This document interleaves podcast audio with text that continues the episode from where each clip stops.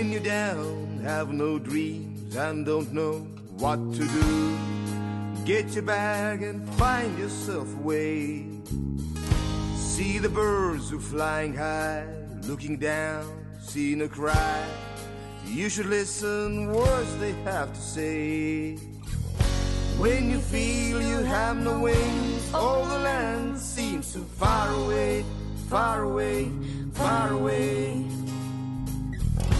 But you always have your dreams. You don't only have to hesitate, don't hesitate, don't hesitate. tere, et täna meil on siis Intrigeerio pärastlõuna viieteistkümnes saade ja külas on meil Kai Künnis Peeres ja, ja kuna neid tiitleid, no ütleme, ökoloog, mereökoloogias on siis doktorikraad, ma saan aru, aga võib-olla sa tutvustad ise, mis aa, no muidu ma olen nagu hariduselt olen bioloog ja kitsamalt olen mikrobioloog.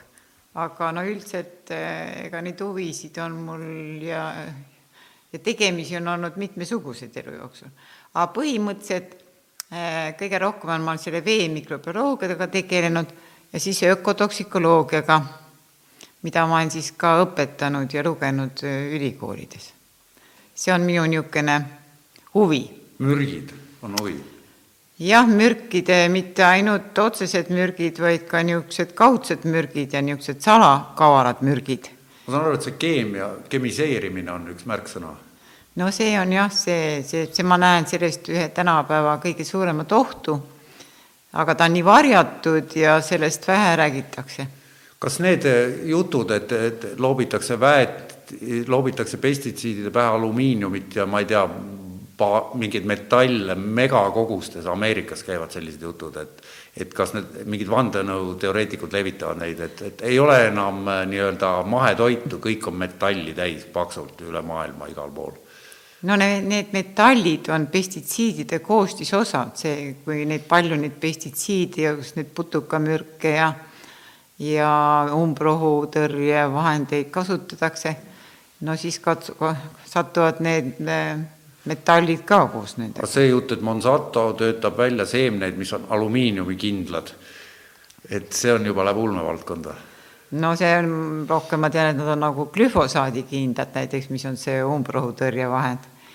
ja eks see Monsanto ikka üks suur monopol on ja need, nagu ikka monopolidel on, et kui sa tema haardesse saad, siis sa sinna haardesse jääd, sellepärast et et kui sa tema käest seda seemet ostad, seda GMO-d, mis on siis geneetiliselt muudetud ja mis tegelikult siis nagu ei karda neid pestitsiide, see tähendab siis seda, et et umbrohutõrjet sellisel põllul võib siis teha julgesti, see tähendab, et tegelikult kasutatakse palju suuremates kogustes seda, kuna see ei mõjuta siis seda kultuuri.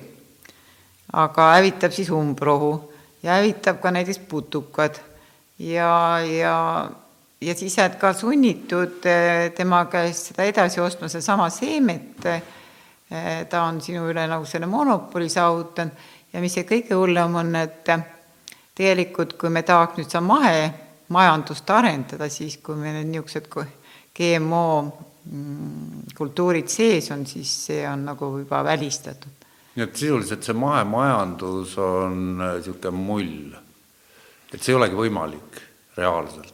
No mahemajandus oli meie majandus nii kaua, kui seda kemiseerimist ei olnud. meie esivanemad tegid, eh, ei no mõnes kohas ikka on, ma arvan, ka Eestis on kohti, kus veel on niivõrd noh, kus nii palju puhast maad, et võiks seda teha, kui need, need kahekümne, kõike ära ei mürgitaks. kahekümne kilomeetrised või mis need olid Eestis, need GMO-vabad tsoonid, mis justkui pidid seda vältima, et see tolmlemine kandub üle seal mingite ühest kohast teise, et kas need töötavad siis? no ega ma ei tea, et Eestis GMO kultuure praegu oleks tegelikult, minu arust ei ole praegu. aga siis mingi... me valmistume, meil on olnud siin just aasta tagasi või kui see Riigikogus ka keskkonnakomisjonis arutati seda GMO mm, noh, seadust, et need rohelised ja nõudsid rohkem, et ära keelustada, see tegelikult Euroopa Liidus on ka meil üheksateist liikmesriiki kes on nagu keelustanud GMO-de sissetoomise.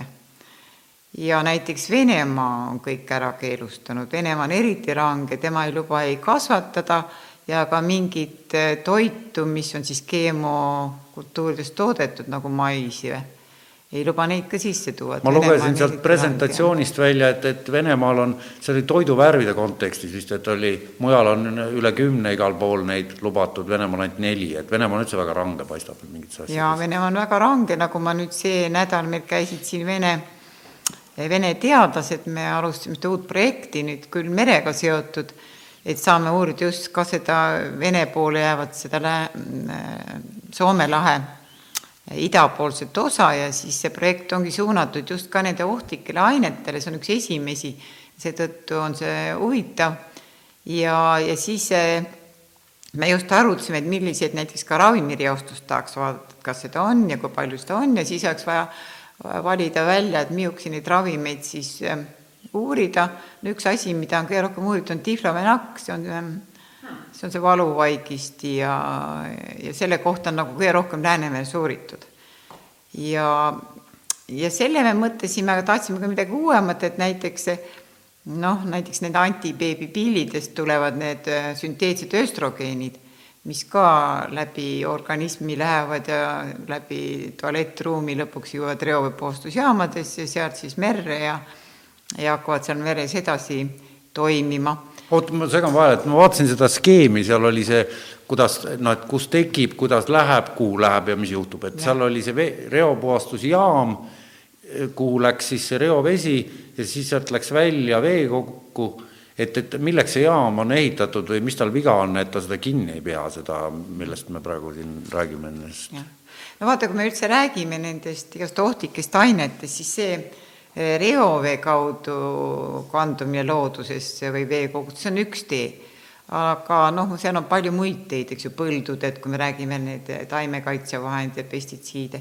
aga kui me vaatame nüüd selle reoveepuhastusjaama kaudu, siis see on jah, põhiline, kus siis meil see tarbekeemia satub sinna, mida me kõik kasutame, neid WC puhastusvahendid, mis tapavad kõik bakterid mm, -hmm. need lähevad meil ju WC-st alla ja ja pesumasinast kõik pesuained ja ja siis ka ravimid selles mõttes, et inimene sööb ravimid sisse, aga jällegi uriiniga ja tuleb ta jällegi välja teis, teisipidi. ja siis ta läheb äh, solgitorudesse, sealt siis reoveepuhastusjaama. kas ravimid käivad ka selle alla, seal oli kirjas, et kaheksakümmend tuhat äh, keemilist ühendit on kommertskasutuses, mis on kõik kontrollimata, et, et mis üldse nendega on? no kindlasti ravimid ka, sellepärast et senimaani ravimite puhul on ju ainult uuritud, et kuidas ta toimib inimesele, no sellele patsiendile. aga kuidas ta käitub looduses, see on üsna uus asi ja seda on üsna vähe uuritud ja ühest küljest on see, et neid ravimeid tulebki ka tänapäeval nii palju juurde, et nagu öeldakse, et see farmaatsiatööstus on praegu maailmas üldse üks kõige äh, suurem ja rikkam tööstus. ja, ja neid ravimeid tuleb meil kogu aeg juurde, aga samas see lahjendusaste, kui ta loodusesse satub, kas või seal reovee kaudu, et see on vaat niivõrd suur, et äh, esialgu ei ole meil olnud niisuguseid mm, analüüsimeetodeid ega apara-, aparaate mis võimaldaks nii lahjendatud koguseid võtta, sest nad on ikkagi suhteliselt vähe läheb. aga millele see fakt seal toetub, et, et mikrodoosid on ohtlikumad kui suured doosid, neid mürke? Ehm, see on ka, see ongi tulnud, selle teadmisi on nüüd inimesed saanud seoses sellega, et just see aparatuur on läinud täpsemaks, on oskused juba nagu proove kontsentreerida ja mõõta ja varem oli niimoodi, et neid mikrodoose eh, me ei teadnudki, et nad on. see, me ei osanud neid üldsegi tuvastada. ja nüüd, kui on tuvastatud, siis just niisugused ravimitüüpi eh, kemikaalid, mis eh, on väga aktiivsed, nagu me räägime hormoonidest, hormoon on ju niimoodi, et kui meil on loo-, looduslik oota, siin ma nüüd korra täpsustaks, et, et lihtsalt, et ma järje peal püsiks, et et need sisesekretoorsed ehk endokriinsed siis äh, äh, asjad koosnevad siis näärmetest, hormoonidest ja retseptoritest. niimoodi. ja siis, äh, et reguleerivad mitte vaid reproduktsiooni, ehk siis noh, siis seda paljunemist, jah ja.. et, et, et samal ajal nad mõjutavad kasvu, veresuhkurt, vererõhku, ainevahetust, aju Äh, talitlust ja närvisüsteemi. et ma kirjutasin välja, et see on nüüd siis selle endokriinse see... süsteemi funktsioon. jah ja., et see on see, millest me räägime. see me selle, no just ravimite kaudu me jõuame ka selle juurde, et ka osa kemikaale mõjutajad ja see on see uus asi, sellepärast et seni me vaatasime just neid, no kemikaal tappis, põletas, söövitas, tegi niisugust kahju. Ja ka nüüd on teadlased teada saanud, et et need kemikaalid võivad mõjuda ka palju keerulisemat teed pidi läbi selle endokriinsüsteemi. Ja endokriinsüsteem on nagu inimeste niisugune juhtpult, äh, seda juhib siis ajuripats, mis on see üks äh, põhiline juhtnääre meil, mis annab siis teistele igasugustele näärmetele sugunäärmeid ja neerupealsed ja kõik siis annab äh, käske, et mis ajal tuleb seda hormooni siis tilgutada verre ja siis hakkab jälle mingi järgmine funktsioon organismis pihta.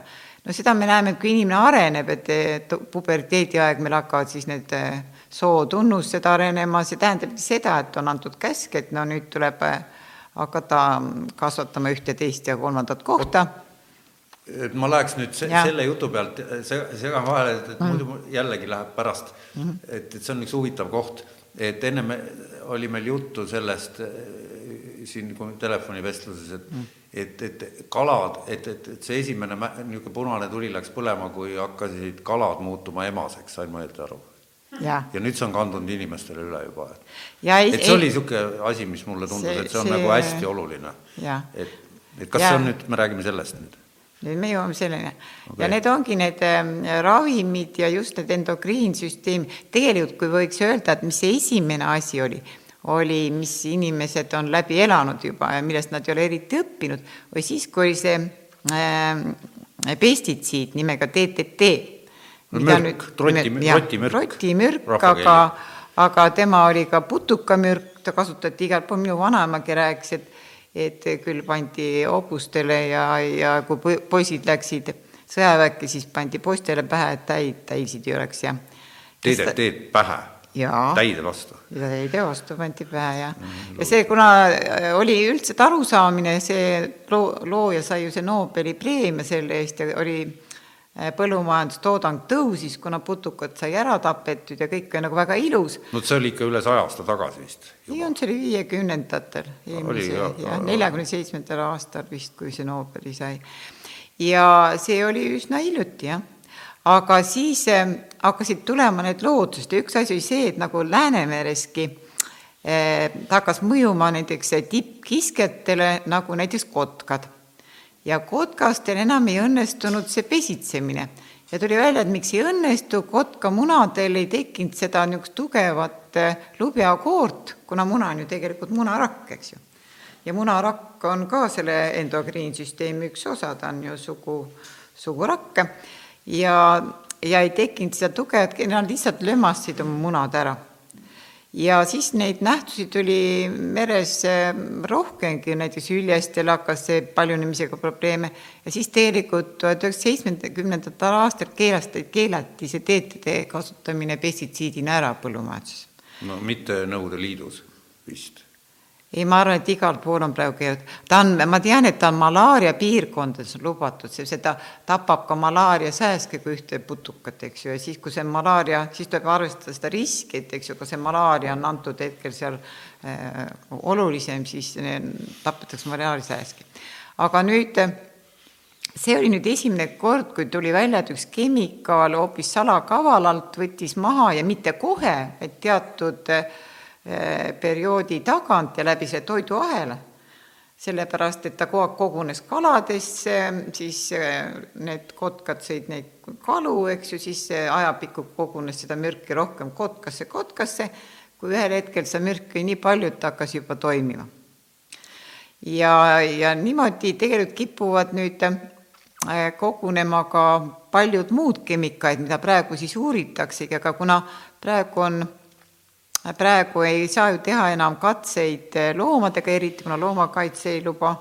ja mis mõttes ei saa, ei luba? Äh, no praegu minnakse alternatiivmeetoditele, mis on siis nagu koekultuurid ja no hiiri on veel lubatud eh, primaate või niisuguseid kõrgemaid loomi on väga harva, kui lubatakse katsetada, nii et tegelikult väga raske on seda mõju nagu inimesele eh, ka uurida teadlastel. Aga kui me jõuame siis nüüd, nagu sa ütlesid, see, et kalad muutusid emasteks, et see ongi see, et, et endokriini üks süsteemi osa on need suguhormoonid, eks ju. Mida siis naisorganism östrogeeni ja sellist toodab ja meesorganism hakkab siis teatud hetkel seal testosterooni tootma.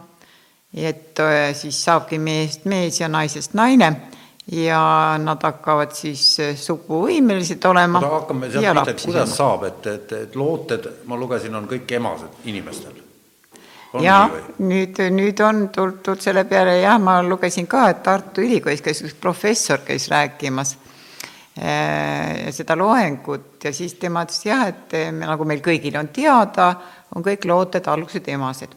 on siis või? no ma arvan, et ikka on jah, kui niimoodi teadlased ütlevad. ma mõtlen, et spetsialistid. kui pikka aega?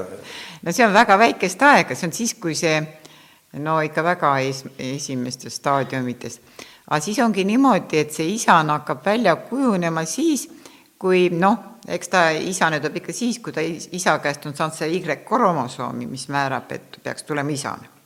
Y, isane annab ju, tal on kahte moodi neid rakke, neid spermatosoidi sees, ühed on Y-id ja kui see munarakk sellega ühineb, siis peaks tulema poiss ja teised on X-id ja kui see ühineb, siis tuleb tüdruk. ja kui on olnud selle Y-ga ühinemine nüüd, Eh, aga siis eh, kõigepealt peavad hakkama sellel lootel arenema need esmased isased tunnused ja need on siis eh, munandi alged ja need, mis hakkavad tootma siis, need on ka näädmekoed ja need hakkavad tootma testosterooni. Ja nüüd ma loen ühte niisugust artiklit, et kus on siis mõõdetud näiteks seda lootel, seda testosterooni taset ja üllatus-üllatus on leitud, et mingi väga varajases staadiumis see loode hirmsasti toodab seda testosterooni. ja sellest testosterooni keskkonnast ta nüüd selleks sisaseks siis kujunebki. ja, ja, ja mis on selle minu, minu ka üks ajend, miks ma neid teemasid olen eriti uurinud, sellepärast et, et see on nüüd niimoodi. aga nüüd inimene on mõtelnud välja niisuguse kavaluse et eh, tema hakkab nüüd teadlikult reguleerima rasedust sellega, et seesama naishormoon, mis tegelikult naisel peaks ka nüüd tilkuma verre nendest eh, mis selle nimi on? Eh, östrogeen ja progesteroon ja et peaks tilkuma, aga nema, tema mõtleb, et tema sööb seda suu kaudu beebipillidena sisse ja mõjutab niimoodi organismi ja siis ei rasestu ja siis on elu lihtsam ma ei saa aru praegu, tähendab seesama aine, mis, mis on naise tekkimiseks vajalik, toob, kutsub esile selle, et ei rasestu. ma ei saanud, või ma sain, mul läks praegu sassi me jäime praegu pidama, sinna ma pean natuke rääkima seda kaudsemat juttu mm, muidu me ei saa sinna jõuda. me jäime sellele pidama, et isasloode äh, hakkab tootma nüüd ise seda testosterooni mm. -hmm ja nüüd, kui niimoodi kõik ilusti edasi läheb, siis tast tulebki niisugune korralik isane. nii, nii..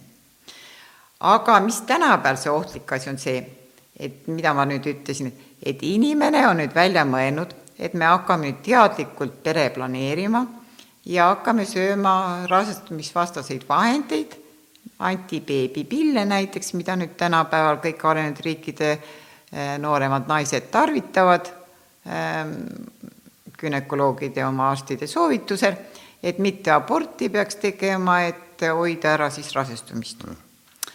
aga minul on see teooria, et kuna, kui mina, mina ülikoolis juba õppisin need hormoonid, siis ma just mõtlesin, et on ikka, siis räägid, et üks ainsam hormoonimolekul on nii vägev, et see on nii aktiivne juba mõni molekul veresse, kui juba muudab. ja nüüd me võtame ikka suuri koguseid sünteetilist hormooni, mis on selle beebipilli sisse pandud, inimene on teinud selle nüüd kunstlikult ja sööb seda suu kaudu. Eh, loodus on ette näinud, et see ei käi suu kaudu, vaid see tilgub otseselt sealt näärmest sulle verre. käib veres ja reguleerib siis organismis neid teatud kohti. ja nüüd ongi see, ongi see, aga kuna ta suu kaudu süües, ära ei lagune, organismist tuleb siis välja uriiniga, satub kanalisatsiooni, läheb merre ja toimib seal edasi. see on nüüd see koht, mis ta teeb seal? Hakkab muutma kalasid ja algelisemaid mereloome nagu merekarpid ja emasteks. kuna tema eesmärk ongi ju kas ta siis hakkab selle testest-, testosterooniga siis nagu lahingut pidama kuidagi mingit pidi või? ma räägin praegu merest, merest ta ei hakka. meres on see teema, et kui ta hakkab muutma neid kalasid emasteks ja see toimub just nagu Läänemees on ka leitud, et just nende reoveepuhastusjaamade väljalaskude, kui see mere väljalasud on ümber. aga nüüd, kui see naine sööb, nüüd lähme naise juurde tagasi mere juurest ja kui naine sööb pidevalt, nagu öeldakse, isegi aastakümneid võivad nad süüa, nad peavad iga päev sööma seda. see on ette nähtud, et sa pead iga päev selle väikse pillikese võtma. kuni kuuekümne aastaseks saamiseni umbes? no umbes kuuekümne aastaga vahepeal ei tea. ütleme, ütleme siis üks nelikümmend viis aastat no, söövad naised siis, krõbistavad neid, kes ei taha lapsi saada nojah, kui nad ja aga võib juhtuda niimoodi, et kui sa justkui ühel hetkel krõbistamise lõpetad ära ja siis tuleb välja, et ei saagi neid enam. no see on üks põhjus, aga teine asi, mis on, mida, mis on see väga huvitav, milleni ma tahan jõuda, et kui see naine seda sööb ja ütle, kui sa tahad, see ekraanil ma tahan läheb. siin näidata, oota, ma vaatan ise, kas ma leian siit. et kui sa õige slaidi leiad, et siis, siis saab selle panna Aa, ekraani peale. vaata, pane nüüd see ekraani peale mm. -hmm. ja siis siin, kuidas, kui see ekraani peal ei, see saab... läheb äh, otse vaatajale Aa. ekraani peale, meil ei ole. et et kui mina nüüd uurisin neid merereoaineid ja hakkasin loengut tegema, siis ma üllatus, üllatus nägin ära, et need nõndanimetatud PCB-d ehk mm, niisugused eh, kemikaalid tööstuslikud on pol-, polükloriiritud bifenüülid, eh, mis on teada, see on kohe aktsepteeritud ja teada, et see on üks ohtlik aine ja mõjutab seda endokriinsüsteemi ja ja kui me vaatame nüüd eh, neid PCB molekulide struktuure. see ja, PCB on lihtsalt markeering mingi? PCB on ainerühm, jah, üks eh, okay. suur kemikaalide no. rühm. tööstuslik kasutatakse tööstuses ja on keskkonnale ohtlik ja loodusele ka. ja kui me vaatame seda aine molekuli struktuuri ja vaatame nüüd neid eh, alumisel real on siis need sünteetsed hormoonid, siis me näeme, et nad on väga sarnased ja nüüd toksikoloog, see on niisugune printsiip, et sarnane molekul käitub organismis sarnaselt. ja kui me teame, et need PCB-d äh, organismi kuhjuvad, eriti raskuesse, ja sinna talletuvad ja siis hakkavad organismi seal kahjustama ja seda viljakust mõjutama ja kasvajaid tekitama ja nii edasi, siis kui me sööme sünteetilist hormooni suu kaudu, siis see võib hakata ka meie organismi talletuma ja võib-olla ka siis raskuaesse. ja nüüd me jõuame tagasi selle looteni. ja minu, minu see hüpotees on see, et kui naine on nüüd kasutanud pikemat perioodi seda antibeebipille ehk sünteetilist naissuguhormooni söönud sisse mm., siis see on tal raskuaest talletunud, ei ole kõik välja läinud ja nüüd, kui tal tuleb poiss loode, siis see poissloode äh, peab arenema kõrgendatud naishormooni keskkonnas. aga hormoonid äh, nagu mehel ja naisel on, on mõlemal on testosterooni ja seda östrogeeni näiteks, eks ju mm.. ja nad nagu võitlevad omavahel, teatud perioodidel on ühte rohkem, teatud on teist rohkem, aga mõlemal on mõlemad olemas. üldiselt naisel on siis seda testosterooni vähe ja mehel on lihtsalt palju.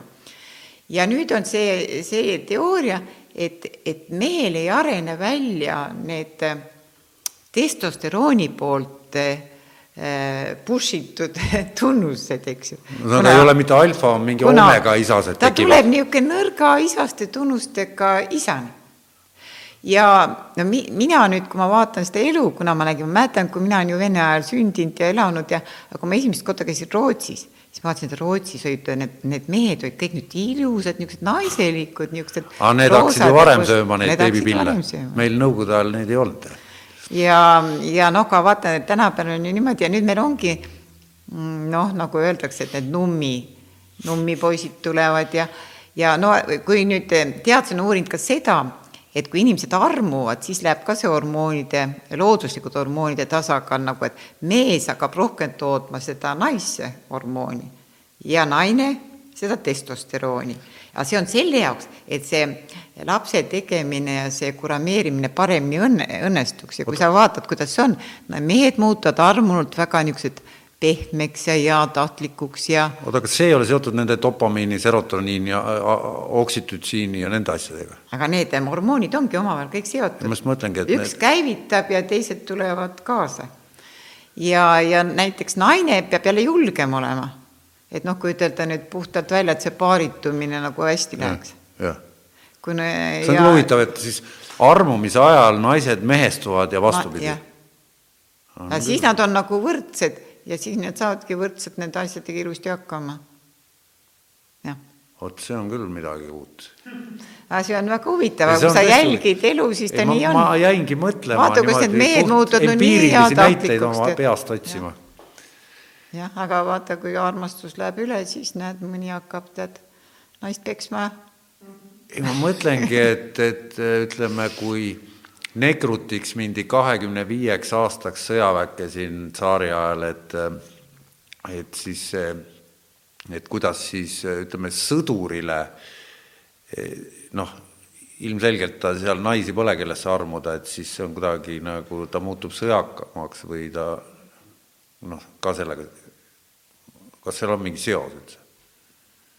No võib-olla ikka on seos, eks siis testosteroon, sa pead võitlema teistega me üldiselt isane, isase keskkonnas on kogu aeg võitlusvalmis, ta peab ju kogu aeg näitama, et on tugevam isane või kaitsma ennast ja see on ju kõik, testosteroon tõuseb, agressiivsus tõuseb. no aga jälle emase juuresolekul peab ka näitama, et ta on noh. no ega, no ega loomad ka, vaata, kui sa vaatad loomad, loomad, kui nad emase juuresolekul kaks isast hakkavad omavahel kaklema, ega nad ikka no, emasega kaklema ei tule no mis see paabulinnu efekt siis on, et, et mis see paabulinnu efekt siis on, et tal suled isastel on just need äh, säravad ja, ja ei no lindudel on niimoodi, kes mida vaatab, linnud vaatavad ilu äh,. igaühel on oma see, oma maitse. Eks see, vaata põdrad ka, vaata kui kasvõi see Eesti film, mis nüüd tuli, et et need põdrapullid, et siis lähed, võtad sarvede otsa mingid suure sambla hunniku kõnnib siis ringi, samal ripub ja arvab, et väga ilus on. ja ei, see oli äge film. aga, aga nüüd, kui sealt edasi minna, mis nende, nende pehme, pehmode meeste siis probleem on, probleem on see, et siis ei arene ka need meeste tunnused ja, ja see võib olla ka üks põhjus, miks meeste viljakus langeb. Sellepärast, et nüüd nagu ka meie see doktor Punap, kes, keda ma olen jälginud, noh, eks ta on minu enam-vähem minu ja sinu vanuseklassis, aga, aga miks ma seda jälgima hakkasin kunagi ikka aastaid tagasi, ma, kui ta oli vist veel, tegi oma doktoritööd ja siis ta kirjutas Horisondis ühe, ühe artikli, kus ta ütles niimoodi, et et kui see mm, viljakuse langus nüüd meestel, valgetel meestel just arenenud riiki, riikides sellise tempoga ja trendiga edasi läheb, siis aastaks kaks tuhat viiskümmend ei ole Pariisis enam ühtegi viljakat valget meest. Kas nahavärviga seotud on, uuringud on seotud nahavärviga või viljakus on seotud nahavärviga? no seal lihtsalt uuriti ja eks seal uuriti siis erineva, no ma arvan, et eh, nahavärv on see, et need eh, Euroopas need eh, valged mehed on enamasti arenenud riikidest ja ja noh, arenenud riikides. Jah, ja ega seda mehi ei mõjuta ainult nüüd see, mis mina, mina siin, see oli üks asi tegelikult, mis tänapäeval mõjutavad, on kõik need plastikud, mis meil ümber on, kõik need arvutid, kõik need, kõik ähm, plastmastid, plastikud, kuna see üks endokriinsüsteemi äh, kahjustav kemikaal on plastifikaator, ftalaat mis on praktiliselt kõigis pehmetes äh, materjalides sees. jah, et, et, et mul on siin välja kirjutatud ka, siin on kõige rohkem mainitud oli bisfenool A ja siis tuli ftalaadid. jah, need on mõlemad plastikute seest. aga plastik on ju nafta ju. ja nafta on no, ju päikese nafta, ega ta puhas nafta ei ole, see naftaga peab seal ikka manipuleerima, sellest need plastikud tegema no aga mis see plasti, see ftalaatidel, mis, mis selle ohtlikuks teeb, et noh, plastik on üldiselt niisugused pikad molekulid, polümeerid, aga see ftalaat on seal polümeeride vahel ja ta ei ole seostunud seal. ta nagu liigub seal vabalt ja ta liigub sealt ka välja seetõttu. ja kui sa istud kogu aeg siin kõik plastik ümberringi kogu aeg, siis ta võib liikuda ka sinu organismi põhimõtteliselt. Läheb siis äh, õhu, õhu kaudu? no sa katsud neid igat moodi. Et no kõige, kõige rohkem võib-olla see tuli välja, mis on nüüd keelustatud, et et oli ka väikelastel need lutipudelid ja mänguasjad, mida nad närivad ja ja no, need sisaldasid ka ftalaati, nüüd on see keelustatud, seda kontrollitakse, ka meie Tarbijaamet käib ja kontrollib ja kui leiab, et mingi Hiina toodangu, siis kõrvaldab ära oota, ma küsin vahele, et kas, kas ma sain õieti aru, et Euroopa Komisjon hakkas üleüldse seda teemat aretama üheksakümne kuuendal aastal alles, et, et, et siis oli esimene nagu selleteemaline mingi arutelu ja võeti vastu mingisugused, et peab hakkama ja üheksakümmend üheksa, kaks tuhat jõuti kuhugile mingi esimeste... ja võeti vastu see nagu see direktiiv. et sinnamaani oli, kõik käis nagu keegi ei tea, ega me ei teadnudki seda, jah no ega me siis ju praegu selle paarikümne aastaga palju rohkem ei tea. no nüüd me mõõta oskame neid aineid rohkem ja me oleme teadvustanud, et see on, see on oht ja ja no see Euroopa Komisjon küll äh, no seal oli suur kon-, konverents, nad kutsusid siis, see oli kaks tuhat neli, teadlased kokku ja kuulasid neid ettekandeid, mida siis tehti ja aga ega riigid midagi ei ole eriti ette võtnud ja no Eesti riik, kuigi me kuigi me väga tahame igast direktiive täita, aga noh, nagu nüüd on kuulda ka, ega meil raha ka eriti ei ole tegelikult. ma sain ka aru, et põhjus on selles, et raha ei ole. raha ei ole jah. ja, ja nüüd eh, ega Eesti ei ole isegi mitte midagi vastugi võtnud, rääkimata, et nüüd ongi ma, mis see nüüd see, see nädal meil seal vene lastega hakkas, see ühisprojekt, see on vist esimene praegu meil üldse, kus me hakkame neid ravimijääke mõõtma loodus, meres, jah et siiamaani pole nagu ega ei ole jah, sakslased on teinud, Saksa on kõige rohkem teinud, aga ja rootslased, aga nemad on ka kõige rohkem neid ravimeid kasutanud juba enne meid, eks ju, kuna neil see kapitalism on olnud juba pikka aega, vaba turg, ja nemad on ka kõige rohkem reostanud ja ennast kahjustanud. oota, aga kui nüüd ütleme kaks tuhat, see on siis ütleme seal üheksakümnendate lõpp, paarkümmend aastat tagasi hakati äh, sellega üldse tegelema ja Eestis beebipille hakati ka kasutama alles üheksakümnendatel, ma sain, sain ma õieti aru? et siis see on nüüd üks põlvkond, et siis äh, see põlvkond, mis nüüd praegu sünnib, on siis selline, võiks öelda juba selline täitsa pehme või?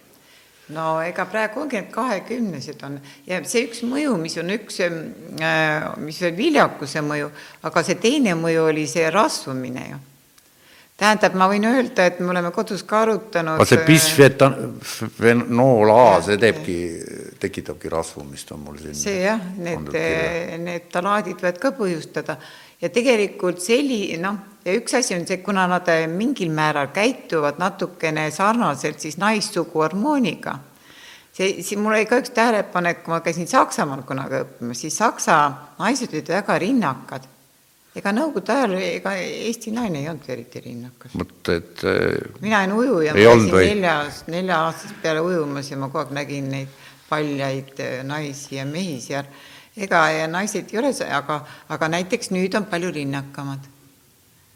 ja no üldsegi, vaata, kui sa, kui see hormooni mõju ka naistele endale ja nende hormoonise ja naishormooni sarnaste kemikate mõju on see, et ta ju forsseerib emase tunnuseid, mis on natuke äh, potsakam peppu ja, ja natuke suuremad rinnad ja ja üldsegi raskudet rohkem, sellepärast et raskude on nagu naiselik, naiselik tunnus. aga kahjuks on nüüd ka meestele see külge tulnud. et on ka meil väga niisuguseid noh, priskeid noormehi. nii et see, et äh, ameeriklased on, nagu nad on, ülekaalulised, et see ei ole mitte ainult äh, purksi söömisest, vaid seal on nagu teised, teised see asjad. plastik ja kõik selle purksiga koos, jah. ja nüüd see tuleb nagu kõik, kõik ülejäänud asjad äh, mingi nihke, ajanihkega siia meile ka. ja ma arvan ka, et ega nii see põlvkond, noh, nüüd me näemegi just seda põlvkonda, kes on nüüd kahekümnendasse või natuke alla selle, kes on nüüd täielikult üles kasvanud nüüd Eestis vabaturu tingimustes. sest ega alguks tuli meil ikka igasugust rämpsu siia turule, kas või need igasugused äh, äh, sünteetiliste värvidega maiustused, mis olid ju lastel, ma ju võitlesin, oma laps käis kooli, läks seal Pääsküla äh, gümnaasiumis ja siis laps rääkis algklassid, et poisid tulevad, ostavad seal Nõmme ujulast mingit kommi ja pärast nad suhu ajab rohelist vahtu välja, kaka pidi ka roheline olema, nii tore, eks ju. ja siis ma läksin, ma mäletan, et läksin sinna ujulasse, ütlesin, et te olete isegi ujula, et te olete tervislik ettevõte, et mida te müüte lastele. no alguses ma võtsin, et ma ostsin need asjad ära sealt et ta ei saa nagu tagasi ajada, siis ma ütlesin, et jah, et, et ma, ma teatan nüüd ülemusele, et niisugust asja ei saa olla, et no lapsed käisid kogu aeg koolimajas, sealt omale maiustusi. no aga ma küsin vahele, et kus see ujula töötaja teeb vahet nüüd toiduvärvide mingil koostisel? tema ei tee, aga see peab ikkagi kas olema... keegi üldse teeb? no seda rämpskommi, mis värvib su suu siniseks või roheliseks, ei ole ikkagi vaja lastele anda. aga seda enam ei müüda? No seda on ikka ära korjatud jah, ametlikes poodides. aga kuidas vahet teha, näiteks kui ma olen poodi, et seal on need lahtised kommid on kõik hästi kirjud, mis müüakse kühvliga, saab panna niimoodi koti no üldiselt, kui on hästi kirju, siis ära sinist ja tähendab, need looduslikud värvid on ju niisugused noh, niisugused allikad ja noh, nad on niisugused mahedad. no need ei ole mahedad värvid ja need on kõik hästi moodsad kommid, need müüakse kinodes ja igal pool, neid lahtisi komme, tead küll, need no, ega need... neid ei olegi hea, seda halvem nad on, et need sünteetiliste nende värvid ja toidulisandite normid on tehtud mingi keskmise inimese peale, tihti enamasti on siis kas seitsmekümne kilose peale, aga laps on nii pisikene, et ja lapsed söövad suhteliselt palju neid maiustusi, nii et nemad saavad alati selle, nad saavad selle üledoosi kätte igatahes, kui nad söövad neid ja noh, nüüd on tulnud välja ka, et noh, alguks oligi kaubandused kõik müügiks, eks ju, mida värvisem mhm. on, laps ostab ja nõuab ema mhm. käest ka, eks ju mm. -hmm. aga, aga nüüd on ju paljud firmad juba, see Haribo ka on hakanud tegema, et seal on kirjutatud, et kasutame ainult naturaalseid värve. mõned värvid on ikka aga need kummikommitootjad on vist Haribo, jah? hakanud, tootma. aga mis asjast need tehtud on, need vahtkumm või kuidas need nimetatakse, need kommid, mida vahu, lõkke peal vahukommid, jah mis nendega, ega ma need... täpselt neid ei tea, aga ega nad, ma usun, et ega no, mingid suured tervislikud see on ikka päris keemiline vist päris keemiline. näeb välja küll selline, sulab niimoodi lõkkes, lapsed, ma tean, Saaremaal teevad neid lõkke peal, küpsetavad siis ma vaatan, kus ta venib niimoodi no. imelikult. sest lastel on ka, et see üks teooria, mis on ka kirjutatud, et meil oli see, et et see rahutuse, et äh, sündroomid lapsel, et lastel, et nad ei suuda keskenduda ja noh, need e, e, üli, ülielavad ja rahutud lapsed, et need on võib-olla hoopis nende toiduvärvidega mürgitatud lapsed, et neid varem ei olnudki. kui mina olin laps, siis laps oli väga, lapsed olid väga arglikud, pugesid ema selja taha ja. oota, ma siin mul tekivad ka isiklikud huvid, et, et kas äh, igasugused friikartulid, purksid, jätame kommid nüüd mm -hmm. hetkeks kõrvale, et, et mis on nagu järgmine noh, see, mida ei tohi massiliselt näost sisse ajada, ma mõtlen just eh, noh, laste puhul. Nad söövad neid friikaid ikka palju. kas seal on ka need, seda, seal küll värvi ei ole, värve, aga no ega ma ütlen, ega see friikartul kõige hullem ei ole, ta on esiteks on kartul ja siis on see praadimise värk.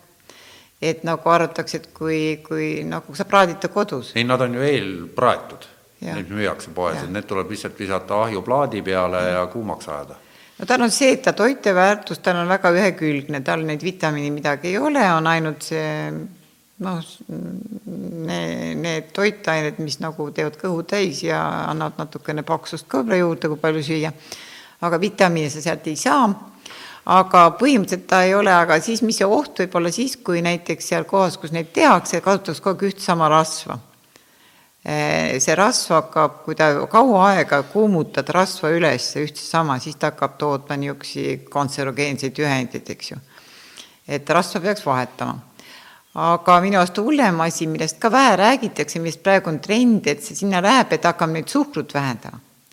tavaline suhkur, eh, noh, ta on ikkagi toitaine ära proovitud, lihtne, kõik meil eh, lähevad suhkruteks seedimisele ja glükoosiks ja lõpuks need äh, kõik süsivesikud, et seal ei ole midagi ohtu. vot sealsamas presentatsioonis oli üks slaid, kus sahhariin on nagu paha-paha jah, sahhariin on eriti paha, seda juba sõja ajal pandi, söödi, ma mäletan, minu ema rääkis.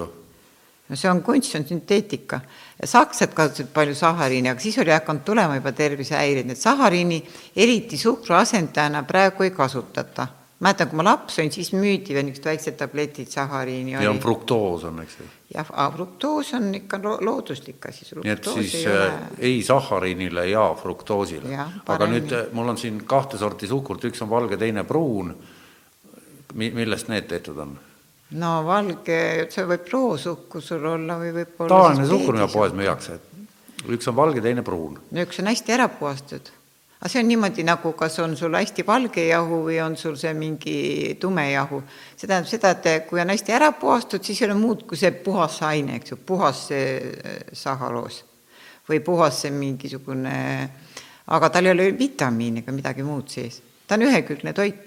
seetõttu praegu öeldakse, et sööge see Äh, sööge tumedast jahust äh, saia leivatooted ja parem kui veel seemned on sees, seal on rohkem igasugust vitamiine. oota, sai on ju üldse saatanast ju räägitakse.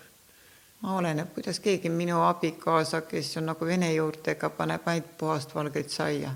aga minu, ütleme, mingid lähe-, lähedased, ma tean, et üks neist kindlasti ei, ei võta suu sissegi saia, sest et, et temal on taotud, ta on vegan ka muidugi mm.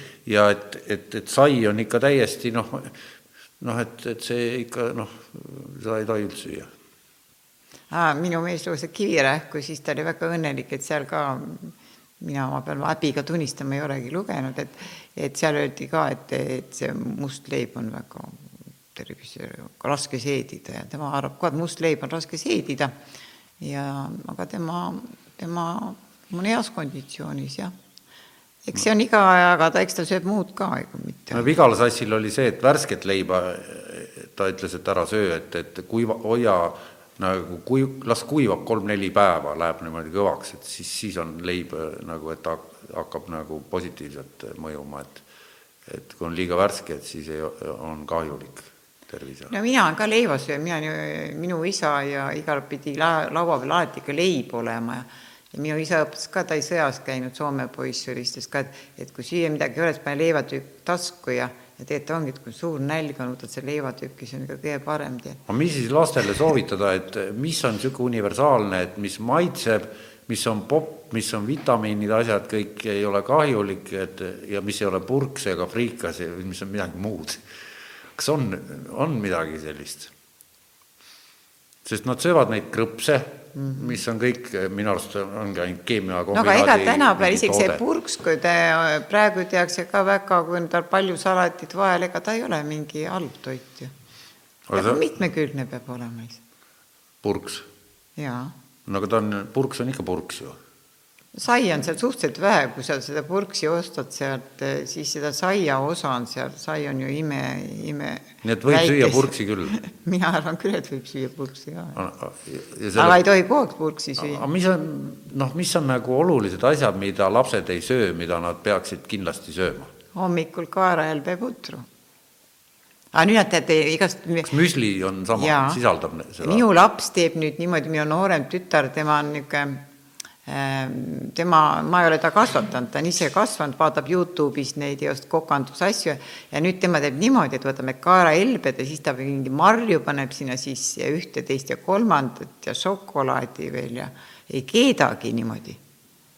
ja sööb seda hommikuti ise, iga hommiku teeb ja sest oma, nad ju praegu vaatavad sealt internetist, mis on no, praegu parasjagu ei, neil on jah igast smuutid ja, ja sedalaadi kraam, et, et, et no smuutiga on see paha asi, et sa pead hakkama neid asju pesema pärast, mida tavaliselt ei taheta teha ja kõiki neid smuuti aparaate no,. No, sellest jah. asjast puhtaks. seda küll. no aga teine, smuuti on küll, ta on moeasi, aga kui nii-öelda, et hammastele peab ka tööd andma, parem näristab porgandit ja õuna ja ja kui sa teed ta niisugusest kõik niisugust alla neelatavaks, noh ma arvan, et see smuuti vaimustus on, hakkab minema just üle ka sellega seoses, et peab neid nõusid ka pesema pärast smuuti tegemist ja kes viitsib seda teha.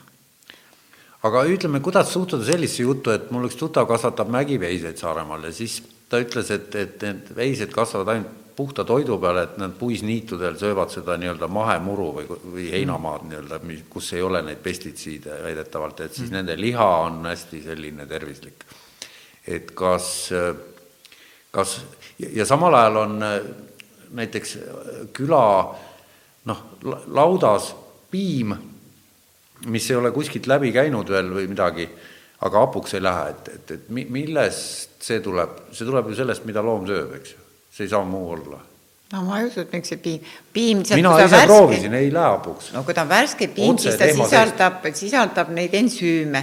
ja sellepärast ta ei lähe ka tegelikult, ei rikne. Aga need ensüümid, see on seal lehma, lehma organismist pärit, need lagunevad ära mingil ajal.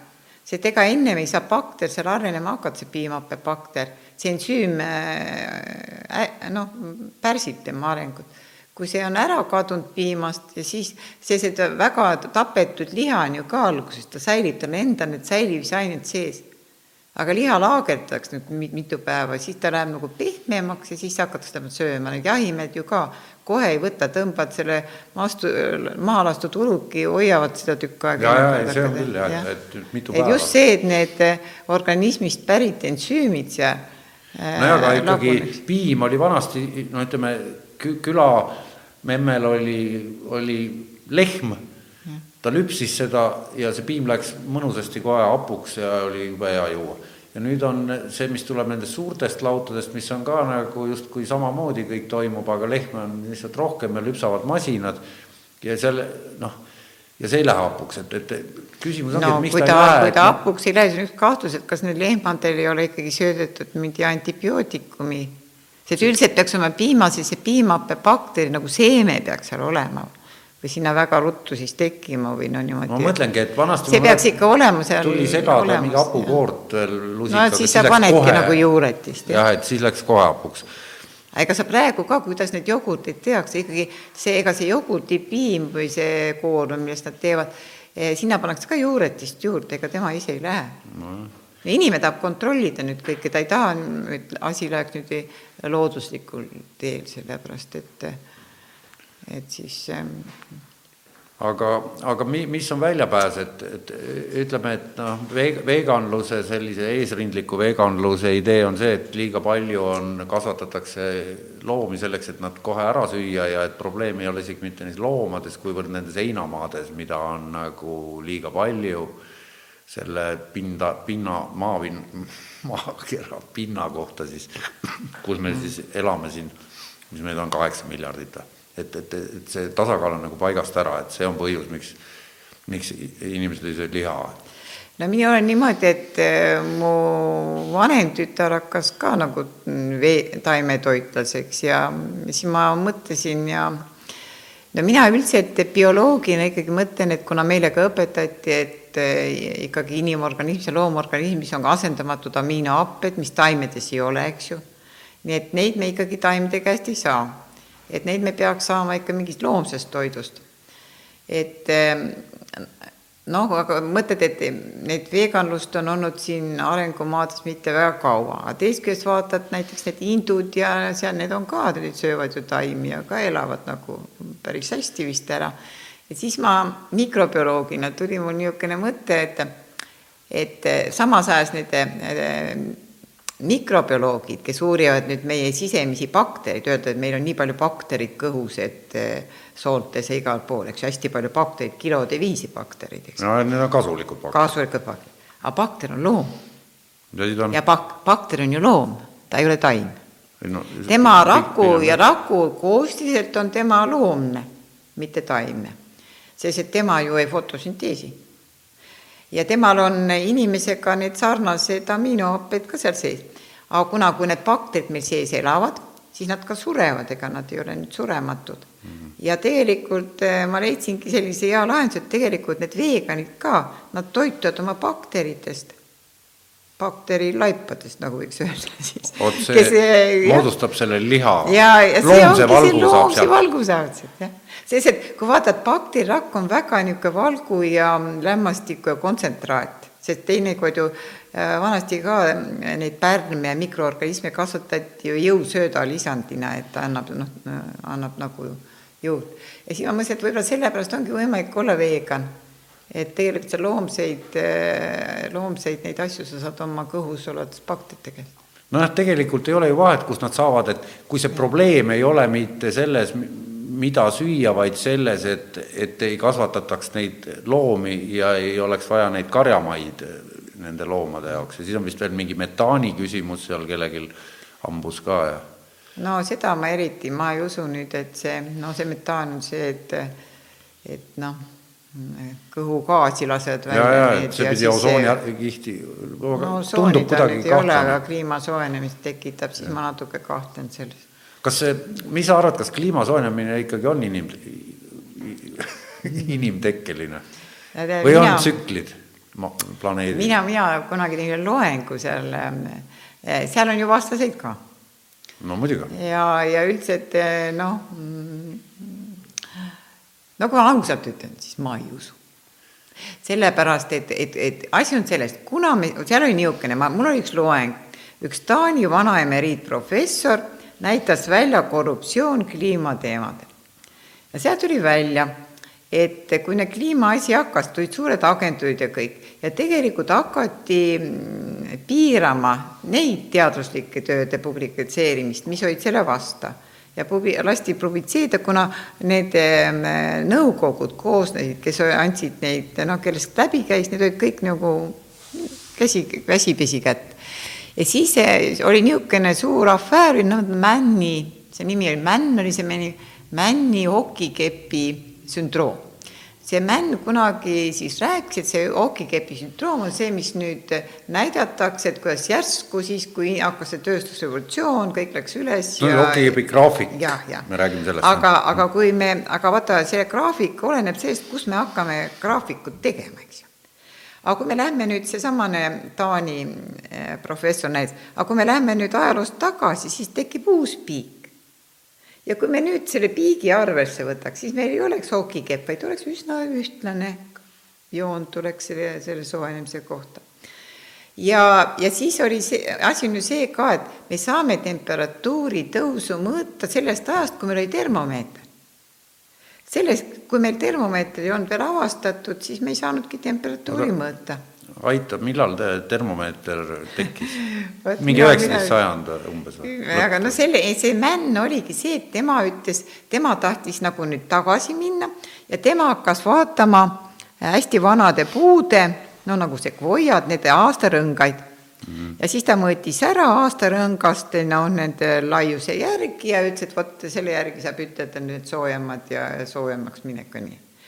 aga siis teised teadlased hakkasid vaatama nüüd ka puid ja tahtsid nüüd samast seost nüüd tänapäeval noh, praegu ka meil on ka perioodid, kui on meil olnud soo-, soojemad aastad mm., siis tegelikult see ei kajasta puu aastarõngast. ja siis tekkis küsimus, et kas see ikkagi niimoodi on.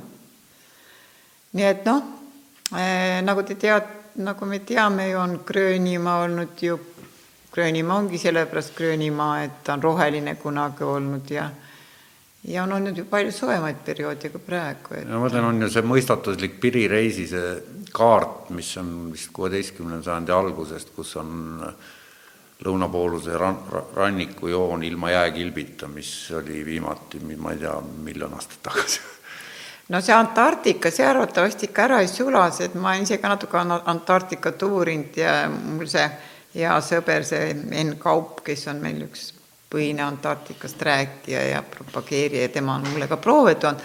ja siis ma olen jälginud ka see Antarktika asju, tegelikult on niimoodi, et ühest küljest sulab, aga teisest küljest on jälle sademeid, sealt jälle tuleb see jääd juurde niimoodi, et erinevad see noh, piirkonnad ühest küljest nagu läheb vähemaks jääd, teisest küljest kasvab juurde, aga no muidugi Arktika sulab meil vist küll ära, seda on, seda enam vist peatada ei saa, jah. mis põhja pool. jah, et aga mis selle, miks?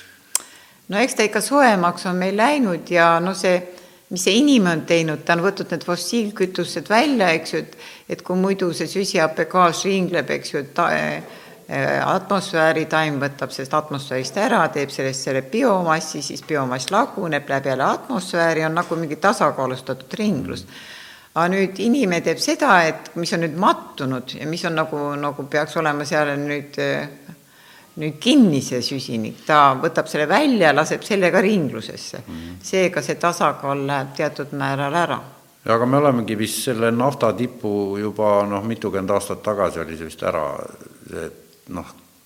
no Arktikas me saame seda juurde, miks, miks praegu käibki siin nüüd suur äh, võitlus, et kes sinna saab jaa, aga ma lugesin just millalgi, mitte Sealt... ammu, et seal on see miljardid kuupmeetrid, mis seda on, see on ikkagi ütleme, mingisugune paari päeva ütleme ka noh, norm, et maakera peal autodele nagu sisse valada. et need kogused ei olegi nii, nad on suured, aga neist ei jätku ikka. noh, see on nagu no eks, eks see paratamatult peabki ikka see päikeseenergiat, seda hakkama ka kasutama, aga praegu ainukene, aga mis need soomlased ju tegid hiljaaegu, soomlased mis on minu arust väga innovatiivne ja no meie ei saa seda vist teha, meil ei ole jällegi raha ja, ja tahtmist ega muud ka, meil ei ole vajadust ka. Nemad ju tegid väga sügava puuraugu, nad hakkavad kasutama seda maasoojust.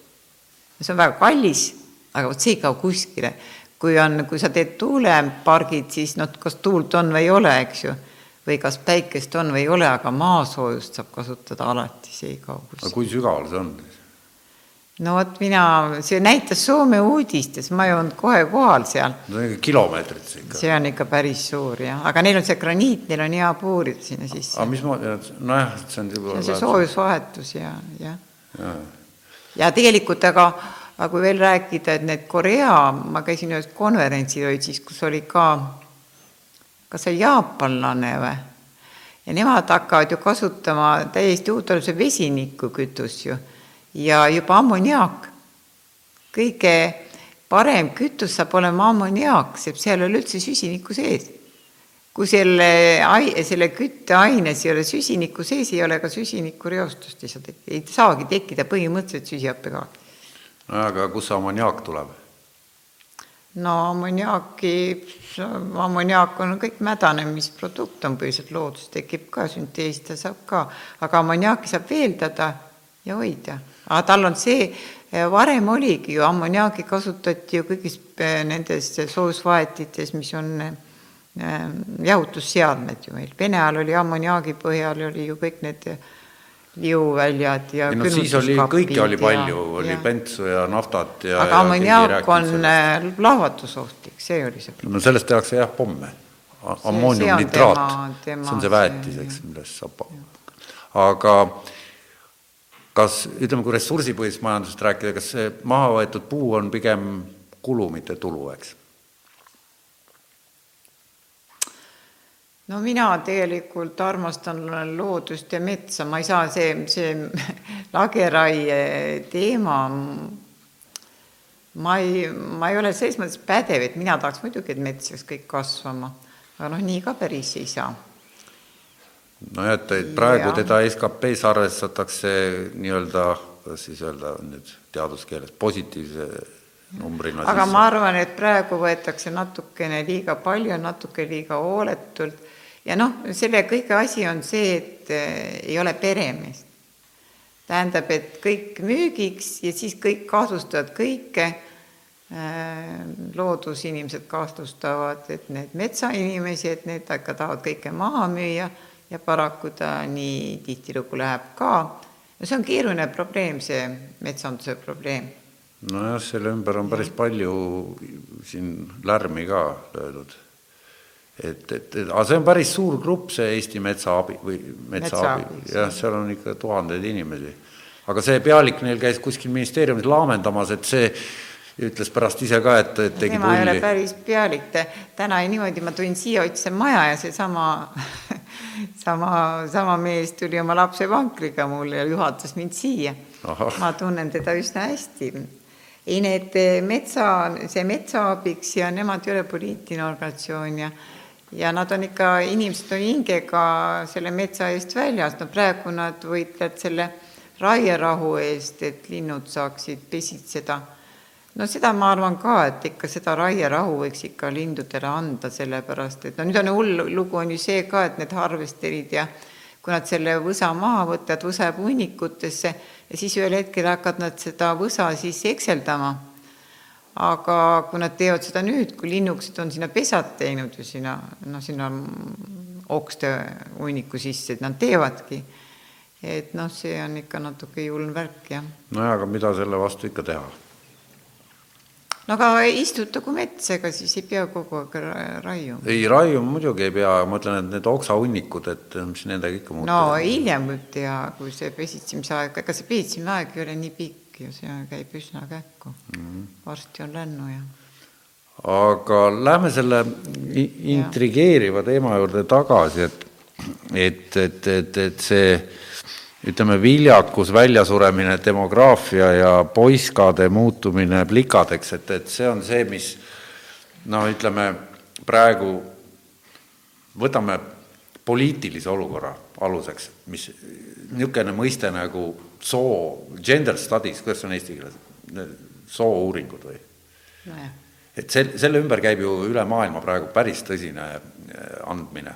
Aga mitte kõigil, ma arvan, et muhameedlased ei, no, ei tõsta okay, seda probleemi. siis läänemaailmas, et Euroopas, Ameerikas, ülikoolis, igal pool, et, et äh, kuidas ütleme, sellise faktidega väljatulemine, et, et see on inimtekkeline bioloogilistel põhjustel, et nüüd järgmine põlvkond sünnib niisugune, poisid on niisugused nummimad, et, et kuidas see nagu seda spektrit mõjutab, et seal lükatakse see kõik ju kultuurilise ja poliitilise, ütleme sellise noh.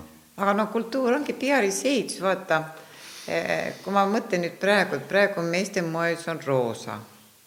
Kui ma mõtlen oma isa, siis ma ei kujuta ette, et minu isa oleks pannud roosa asja selga. ei, ma ei, mina pole kuulnud, et meeste mood on roosa, kas on no või? kas muidugi on, kõik noormehed käivad roosa pluusiga ju. käivad või? see, see ongi, et ega mood tuleb kaasa. siis, kui mehed lähevad nummimaks. ja kumb on põhjus, kumb on tagajärg, et? Eh, no eks mood tuleb ikka järgi. see on selleks, et oleks parem olla ju. tähendab, et kui ennem, kui ennem olid mehed niisugused kirvenäod ja niisugused robustsed, eh, siis oli teine mood ja teine värk. nüüd, kui mehed muutuvad niisuguseks naiselikumaks, siis tuleb mood ka kaasa, sest inimene tahab, et tal oleks hea olla, aga see käib nii kuidagi, käibki nüüd nii ruttu, et ühe põlvkonnaga keerabki juba äh, täis? tundub, et käibki, jah. aga mis see, mis see lõppjaam on siis? vaata, ma olen mõelnudki, et mis see lõppjaam on, aga meil on üks probleem on ka, et inimesi on liiga palju. Aga võib-olla see ongi see lahendus nüüd praegu no,. võib-olla rääkis... see viljakuse langus ongi tegelikult see lahendus, et inimkonda natuke maha võtta aga noh, kahjuks on niimoodi, et kõik seda ei tee. ei tee mida? kultuurselt ei ela ega ei tarvi-, ei, ei kasuta siis teadlikku pereplaneerimist ja ja on... need, kes seda ei tee ja kellel on ikkagi niimoodi, et et isane tahab ikka emmase käest lapsi saada ja mida rohkem, seda uhkem ja ei no seal on ikka kaks täitsa erinevat ta... asja, üks on, kas ta tahab saada kuidas see viisakalt öelda, keppi on päris viisakas. E, või ta tahab lapsi. et need on ikka erinevad asjad, et. aga paljudes kultuurides on ikka lapsed ka väga tähtsad. tegelikult ma võiks öelda, et paljudes kultuurides on ju ikkagi no see isal on see laps väga tähtis. et tal oleks neid eh, rohkem, see, see näitab tema võimekust ju ja aga teistpidi jälle ma hiljuti kuulsin ja, ja, ja üldse see ei ole üldse ühest kohast jutt, et, et, et asi kisub sinnapoole, et, et inimese, inimestevaheline läbikäimine, suguline, et see taandub ja robot, see ro-, see, mis vahepeal meie presidendi siin niimoodi tögati, et ta seal rääkis midagi robotitest ja nii edasi, et, et see ei ole üldse mitte niisama jutt, et see ongi nii, sinnapoole lähebki asi, et no tegelikult ta on sinnapoole läinud, aga ma kuulan ikka neid saateid ka, neid mm, no kasvõi see Marek Strandberg teeb see Kukkuvat õuna, siis ta teeb ühte meditsiinisaad ja siis ta see Rammul, see seksoloog, mis oli ka nõukaajal tuntud mm, seksoloog. ja siis ta küsis ka selle käest, et mis siis tänapäeval on põhiline probleem, et mis, miks inimesed tulevad siis tema juurde.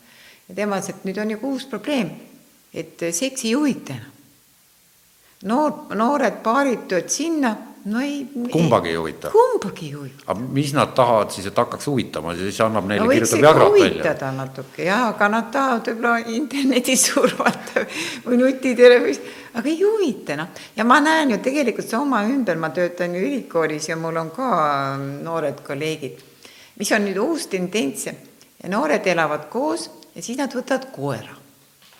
võtavad kassi, võtavad kodulooma mm. Veel Vene ajal oli niimoodi, kui noored elasid koos, siis ei olnudki kaua aega, juba tuli titt taha, eks ju. no see oli kohe peale keskkooli või keskkooli lõpuklassi. ja siis oligi vaja nüüd ära võtta umbes niimoodi ja no, hakkas see pereelu peale, eks ju mm aga, aga, aga nüüd tekibki küsimus, et ja ma olen rääkinud seal ka kodus ja siis siis mulle öeldakse ka, et ei kujuta ette, et, et kui sa kurameerid mingi tüdrukuga, et sa võtad järsku endale koera. Milleks? sul on muudki teha, eks ju. ja aga noh, nüüd ega see ongi vist üks näitaja, et, et ega ei olda väga valmis teineteisega siis suhtlema või, või lükatakse no, edasi seda kogu aga see, ütleme, kuidas sa suhtud Kaia teooriasse, et, et maa on üks tervikorganism. et ta kaitseb ennast, soojenemine on palavik ja kõik see jutt, see Loveloki nii-öelda seitsmekümnendate Trapido, ma tean, seda räägib tema tõlkis selle maatantsu ära, selle Elizabeth Sartori. ma ei ole see, see on küll see väga hea raamat. ja mina, mina olen pigem see, et, et, et noh ma ka mõtlen jällegi bioloogia, et kui ma olen oma elus, kui ma olen tahtnud mingeid küsimusi lahendada, siis ma olen ikka lähtunud sellest, et no inimene ikkagi loom. ja kui sa tahad mingisugust tõde teada, siis vaata, kuidas see looduses käib, kui sa ei oska teada. No näiteks kui sa ütled, et, et mis on elu mõte, eks ju, mis ma olen ka mõelnud, mingil ajal kõik, kõik mõtlevad vist teismelised ka no kui sa hakkad mõtlema, mis on elu mõte, siis kui sa vaatad loomariiki või ükskõik keda, kas või taimeriiki, paljuneda, paljuneda ainult selle nimel käib kõik. näiteks osa putuk nagu ämblikud, eks ju, nad isegi niimoodi, et need isased lähevad ohvriks, kuna ema ämblik pärast seda paljunemise akti sööb lihtsalt pistab nahka, jah? Eh, nahka, aga minu, miks ma seda Kaia asja küsisin, et ma, tegelikult oli see küsimuse lõpp eh, oleks olnud või on selles, et et võib-olla maa reguleerib seda inimeste arvu nagu ise, et et, et, et, et meie mõtleme, et, et siin on nüüd need aspektid ja need aspektid, aga et võib-olla see, me, meil ei ole siin nagu sõna sekka öeldagi, et, et need asjad ega ma olengi, kui ma edasi mõtlesin seda asjast, et, et võib-olla, võib-olla see ei olegi mure, sest tänapäeval juba noh, ma ütlen, minu lapski, ma olen kuulnud teisedki inimesed kahekümnesed, no mul on tütar, eks ju ütlevad, ei olegi vaja lapsi, sest inimesed on nii palju, ma olen väga palju kuulnud noorte käest, et lap-, milleks lapsi, et nii palju inimesi on juba maakeral. Et ei ole mõtet enam neid äh, lapsi teha. ja et adopteeritakse ja tehakse niisugust asja. ei no nad üldse mõtet ei ole vaja nüüd lapsi, aga, aga nüüd jällegi mõelda edasi ja mõelda ka Eesti kontekstis, et et me peame ikkagi tunnistama, et need strateegiad väikerahvastel ja suurtel rahvastel on erinevad, nii nagu ka tegelikult need liikidel kui sa oled mingi väiksearvuline liik, siis ka me, me inimestena saame aru, me peame kaitsma neid, eks ju. et andma neile eelistingimused, et nad välja ei sureks. Ja eestlane on ka siin ikkagi maakeral üks väike rahvas ja tema ei saa päris kaasa minna sellele, et noh, meid on palju ja nii nagu Manitski või kes ütles lehes ka ühes väike nupp, et kui ka kõik eestlased ohverdaks ennast, eks ju, sureme kõik välja, maakerast ei muutu mitte midagi no,. ei no aga võtame nüüd noh paradoks on ju see, et mida vähem arenenum äh, tsivilisatsioon, seda rohkem lapsi ja äh, mida arenenum, seda vähem. Et, et noh, faktid näitavad seda, eks. ja nüüd sellel taustal, et, et kogu see Araabia maailm ja Aafrika ja nii edasi tulevad, kõik paljunevad, tulevad, teevad, toimetavad, et, et et kas see mitte nüüd ei olegi paratamatu tulevik siis või? Praegu tundub küll, et see on paratamatu, ega see meie valged arenenud inimesed, ega me hakkamegi tasapisi välja surema. meie, meil on vist kaks kolmandikku juba on niimoodi, hakkavad pensionile minema elanikkonnast, kui Iraanis on kolmkümmend viis on keskmine. aga no vaata, kui sa vaatad siin ringi, ega naised leiavad lahenduse. nagu ka Eestis teevad väga palju naisi, võtavad nüüd endale mehed mujalt. no seda nad teevad ju tükemat aega, käisid Soome vahetajad soomlased siin. no Soome ei olegi parem variant, võib-olla sealt kuskilt lõuna poolt võtta, karakter on parem, annab eh, meie põhjamaisele karakterile. ei no ega nad neid siia ei too, et siis nad pigem võtavad neid mujal, neid me, ega see ei ole nüüd nii massiline, ma, või on? ja tegelikult on üsna massiline, on see, et meie jälle niisugused eh, mehed võtavad eh, Kaug-Idast ja naisi ma käisin vahepeal siin, eh, projekt oli Miks Tallinna laht haiseb siis ma käisin kogu aeg, sõitsin Merivälja muulile ja tulin siis Piki lahte tagasi ja, ja vaatasin see, kus need vetikad ja kus see laiseb ja kus ei haise ja kaks aastat käisin niimoodi. ja siis ma käisin vahepeal Pirita poes lihtsalt natukene seal, võtsin süüa ja ja siis ma lihtsalt puhkasin seal tead, kui palju just seal eliitrajoonis tundus, et seal Viimsis nii palju tulevad lapsevanker, lapsed ripuvad käe otsas, on vankris ja on noh, välimuse järgi vietnamlanna või, või korealanna naine. ja siis veel huvitav on see, et nad, lapsed räägivad puhast, need, need tõmmud lapsed räägivad puhast eesti keelt ilusti. Et see oli uus tendents tegelikult ja see on see vere segamine ja siis läheb jälle kõik korda. nojah, et, et ühed ütlevad, et ongi vaja segada, et, et tervi-, see on tervislik ja siis on mingi seltskond, kes ütleb, et ei tohi üldse segada, et meid on liiga vähe, et võta need kinni, mis see siis nüüd. aga noh, kui mõtled, et miks need mehed siis võtavad neid naisi, järelikult see feminism äh, ei lähe ikka päris peale. see, sealt võtab naise, kes tahab olla, teha oma naise töid ja olla võib-olla kodune ja tegeleda lastega ja et me inimesed, me tahame küll, et me muutume, aga ega me nii väga ikka ei muutu. Me oleme ikka samasugused, eriti selle põlvkonna jooksul, siis me tunnemegi, et me ei ole rahul eluga ja nojah, aga ega fem-, feminism ei ole ju Eestis mingisugune niisugune mingi, mingi eriti. No Eestis ta ei ole jah, aga vaat seal Rootsis ja mõnes kohas, kus hakatakse lapsi juba juba sootuteks kasvatama lasteaias ja. vot see on küll, et, et selle, see, see, kui ma esimest korda kuulsin seda, et, et kuskil on kellelgi õigus ütleme, viieaastase lapse eest otsustada, mis soost ta on, et see nagu kõlab väga julmalt seadusepügala mõttes. Noh, et umbes lasteaiakasvatajad otsustavad, et, et see tüdruk või poiss, noh, tegelikult on hoopiski tüdruk või poiss. Et... ei no neid on ju telekas ka näidanud, et jah, et siis pannakse, vahetatakse need kõik poisid pannakse roosasse riidesse ja aga ma, ma ei saa aru tegelikult, ma ei saa aru, milleks seda vaja on. ja aga mulle jääb see kogu see probleem ka täiesti segaseks, et, et ma, ma, ma ei tea sellest suurt midagi. Et, et, et ma ei ole seda uurinud ja ei, ma ei tea sellest midagi, et ma olen lihtsalt kuulnud neid niisuguseid fakte ja, ja kuidagi tundnud, et võib-olla see ei ole nagu siin veel nii tõsine probleem, et seda peaks hakkama ei, ma arvan ka, et meil tõsine ei ole. Aga no nii nagu ma noh, kas see, see doktor Punapi neid asju, see, see viimane artikkel, mis kuskil lehes oli või mida ma lugesin, see detsembris, kus ta siis uuris, uuris meie teismelisi poisse siis viljakust ja siis ta tõesti ehmatas, et kuna üks kakskümmend aastat tagasi ma ja veel vähem tagasi no üks vähem kui kümme aastat tagasi, kui me käisime Soomes konverentsil, kus soomlased näitasid, siis tegelikult eh, olid ka seal eestlasi grupis, siis eestlastel ei olnud midagi häda. Põhilised, kes oli viljakus langenud, olid taanlased, olid kõige hullemini rootslased, norrakad, no soomlased olid ka veel enam-vähem. aga meie vast Nõukogude Liidust vabanenud rahvastel oli kõik korras nii et see on siis beebipillide ikka otsene seos on no nagu kogu selle, kogu selle vabaturu, selle muu, muu asja ka, mida meil. aga nüüd see vastuliikumised, et noh, et teadvustatakse ja võideldakse ja mahe, mahe asjandatakse ja kõik see, et, et, et kas see nagu mõjub ka üldse? no see mahe, nagu sa isegi ennem ütlesid, see praegu ikkagi ei lähe peale, sest et et aga muidugi see mahe Äh, mahe on viimane aeg, sest ma käisin nüüd eelmine aasta, sõitsin ringi ja mul on seal äh, Äksis on mul vanaisa haud ja isa alati ütles, et, et vanaisale viin maua peale põllulilli ja seal ümber on, see on Saadjärve ääres. Põllud on alati seal ümber olnud, kui ma laps juba olin, ikkagi läksid põlluaeda, korjasid seal sukkilille ja seal midagi karikakarit ja ja nüüd ma läksin põllule, mitte ühtegi lille ma oleks kas või Rakvere raibet võtnud, kui oleks olnud aga nad olid nii ära glüfosaaditatud, need põllud ikkagi tänapäeval. nüüd tuleb lahti seletada, mis tähendab, et see on see umbrohutõrjevahend, kemikaal. et ta on kõik, aga kõik need rukkilill on ju umbrohi. Selles mõttes, aga kuigi ta on meie rahvuslill.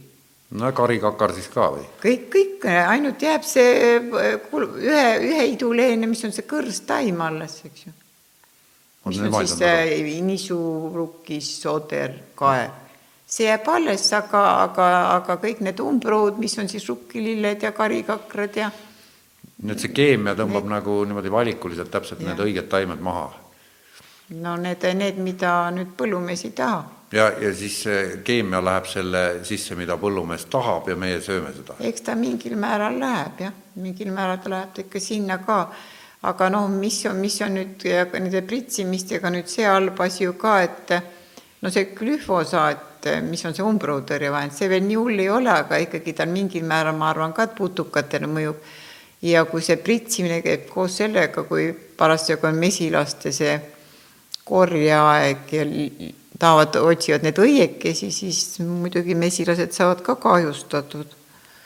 ja seetõttu no, on neil ka mesilasi värk hakkas ju aastaid ja. tagasi ja Californias või kus see oli, et esimesena hakkasid kella lööma, et mesilased ja. massiliselt kaovad ära no Eestis on ka mesinikud räägivad ikka, need, eh, nad jäävad haigeks, nad ei oska enam leia koduteed, noh, nad lähevad ka peast nagu natukene segi Nad ei pea otseselt surma saama. aga see on kõik nüüd ka selle keemia tagajärg? see on kõik ikka keemia tagajärg, jah. aga mis siis alternatiiv on? ja mitte ainult mesilased, ka need kimaalased, need looduslikud, eks ju, putukad. see, praegu on ju see ka, et öeldakse, et need laululinnukeste ja nende hulk on vähemaks jäänud ja see on näha ka, et on vähemaks jäänud. aga kõik putukad on ju nende toit ja nüüd, kui me Eestist jälle vaatame, mis on siis meie rahvuslikud uhkused või sümbolid, eks ju, rukkilill ja suitsupääsuke. Mm.. Öeldakse, et suitsupääsuk sööb ainult putukaid ja ta ju lennu pealt võtab neid ja kui put-, nüüd on olnud mitu aastat, eh, on räägitud, et pojad jäävad nälga, kuna lihtsalt putukaid ei ole, mida süüa, eks ju.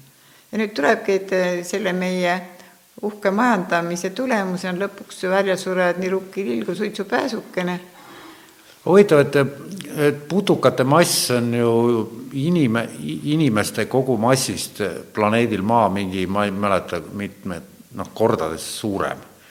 ja, ja on ju räägitud sellest, et tulevik on putukate söömises ja, ja mere harimises ja sealt eh, toidu tekitamises ja, ja et kuna seitsekümmend protsenti on no maailma meri, et siis see võiks nagu põldu harida. ja putukaid ka süüa, et neid on nii palju et, et kas, kas, kas see informatsioon on tõene?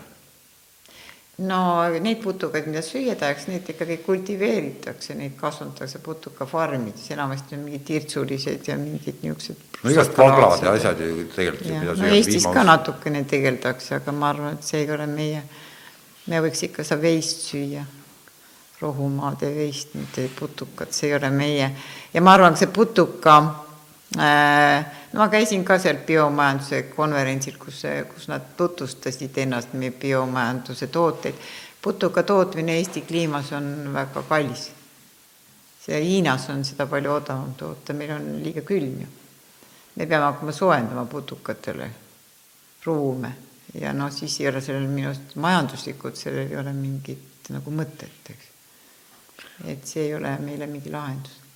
et karjakasvatus on, on parem no ma ikka arvan, mingil määral võiks seda karja ikka kasvatada.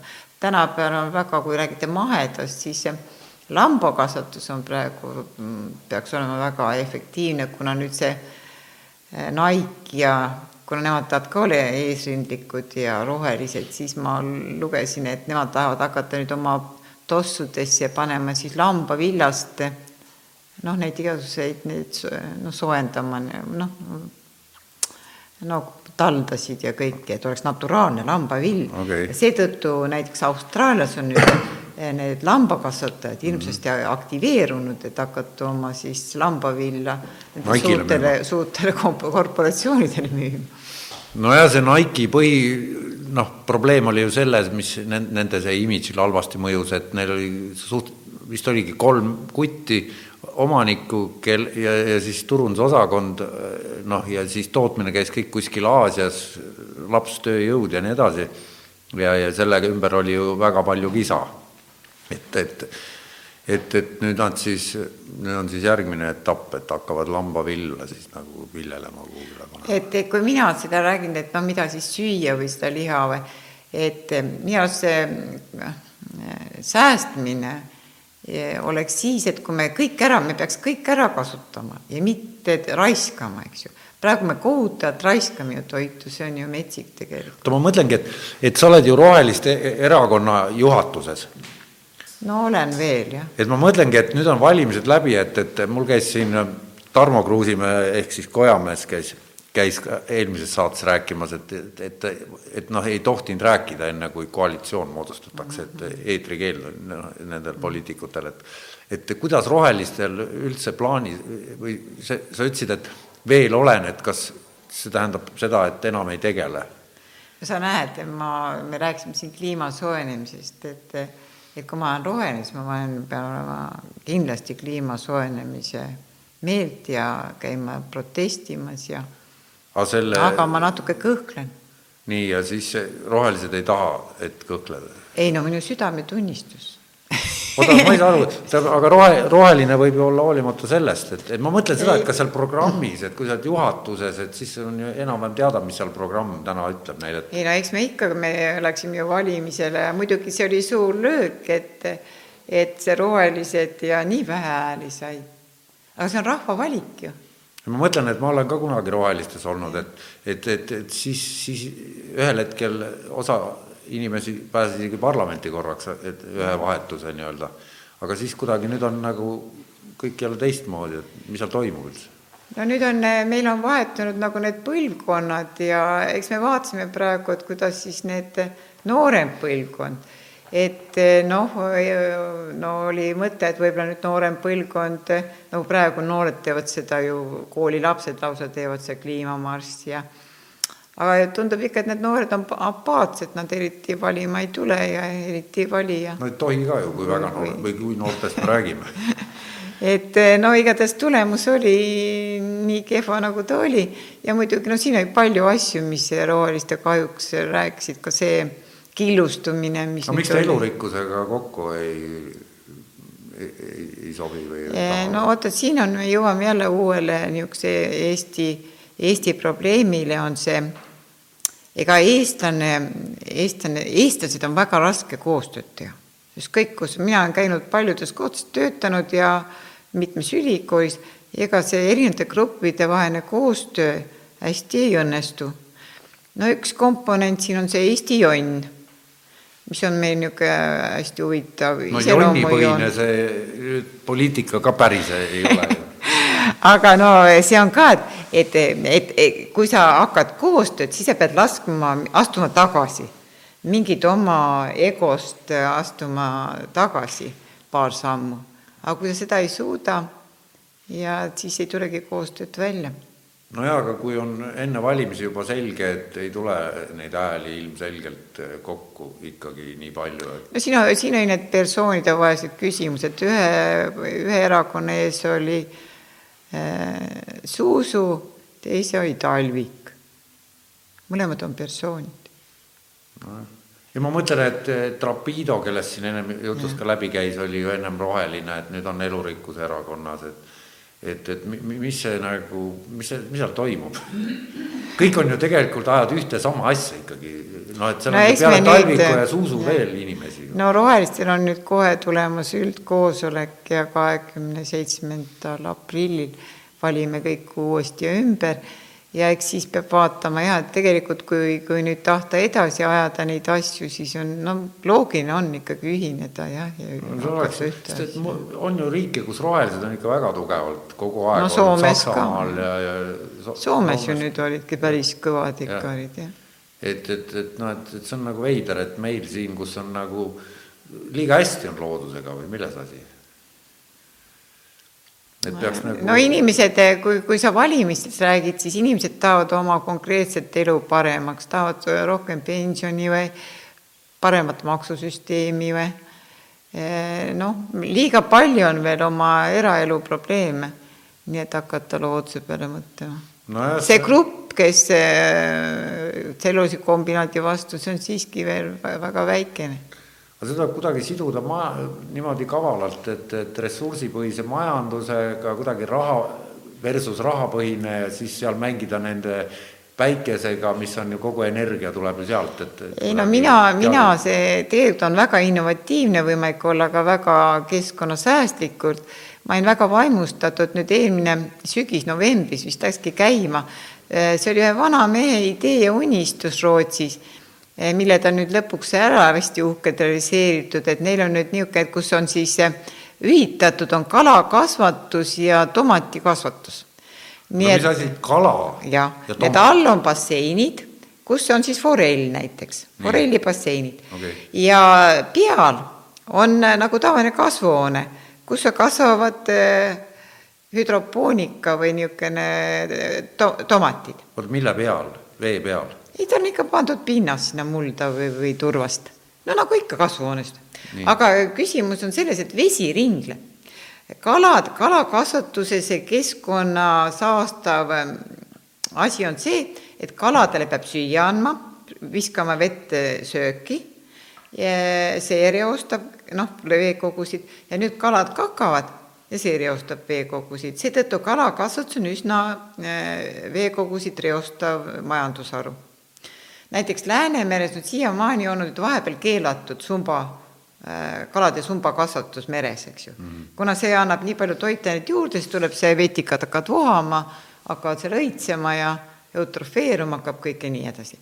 aga vot seal on niimoodi, et nüüd see vesi, äh, kastetakse tomatid, vesi läheb siis sinna kalakasvatuse basseini, kalad kakkavad vee täis, seal on toitained, see on nagu toitenderikas vesi, sellega kastetakse jälle tomateid taimed võtavad sealt toitaineid välja ja siis all mingi filter on ka veel vahel ja siis see vesi läheb jällegi kaladele. et ta käib seal süsteemis ringi, ta üldse nagu keskkonda äh, seda reovett ei lastagi. nii et seal oli ja see on väga uhke seal, no ju ka internetis on pildid, et, et samas kui see kala on seal niisuguse süsteemis, siis sa ei pea kaladele andma ravimeid, kuna noh, haigust ei tule, kuna süsteem on kinni tähendab, kala on mahe, kuna ei pea ravimeid andma ja tomat on ka mahe. me saame maheda forelli ja maheda tomati.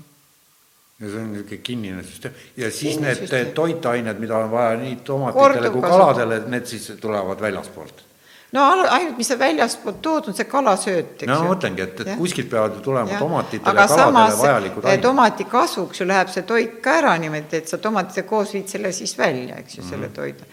ja põhimõtteliselt niisugune süsteem saaks nagu ringi, noh, nüüd ta ongi, ta on hästi suur ja uhke, uhke, uhke kasvuhoone seal, jah aga seda saab siis ju teoreetiliselt ju laiendada ju tomatitelt ja, me... ja kaladelt ju, ju. jah, seda ainult peab olema niisugust nutikust, jah et ma, mina näeks, et Eestis oleks niisugune nutikus, nutikus võiks meil olla. see praegu ongi päevakavas, kuna mina olen see mereuurija, meil ongi praegu taotlejad, meil tehtigi projektori, anti, et kas me oleme nõus keskkonnamõju hindamist tegema, tahetakse ju Saaremaa juurde teha, nüüd soomlased on, suuri sumba kalakasvatusi. kuhu kanti Saaremaal? Hiiu, seal on üks kolm, kolme, kolm tükki, kes tahavad teha, Paldiskisse tahavad teha, Hiiumaa ja Saaremaa Nad tahavad panna need sumbad merre, aga siis ongi küsimus, et, et see hakkab ju ikkagi eutrofeeruma. no seleta lahti sump.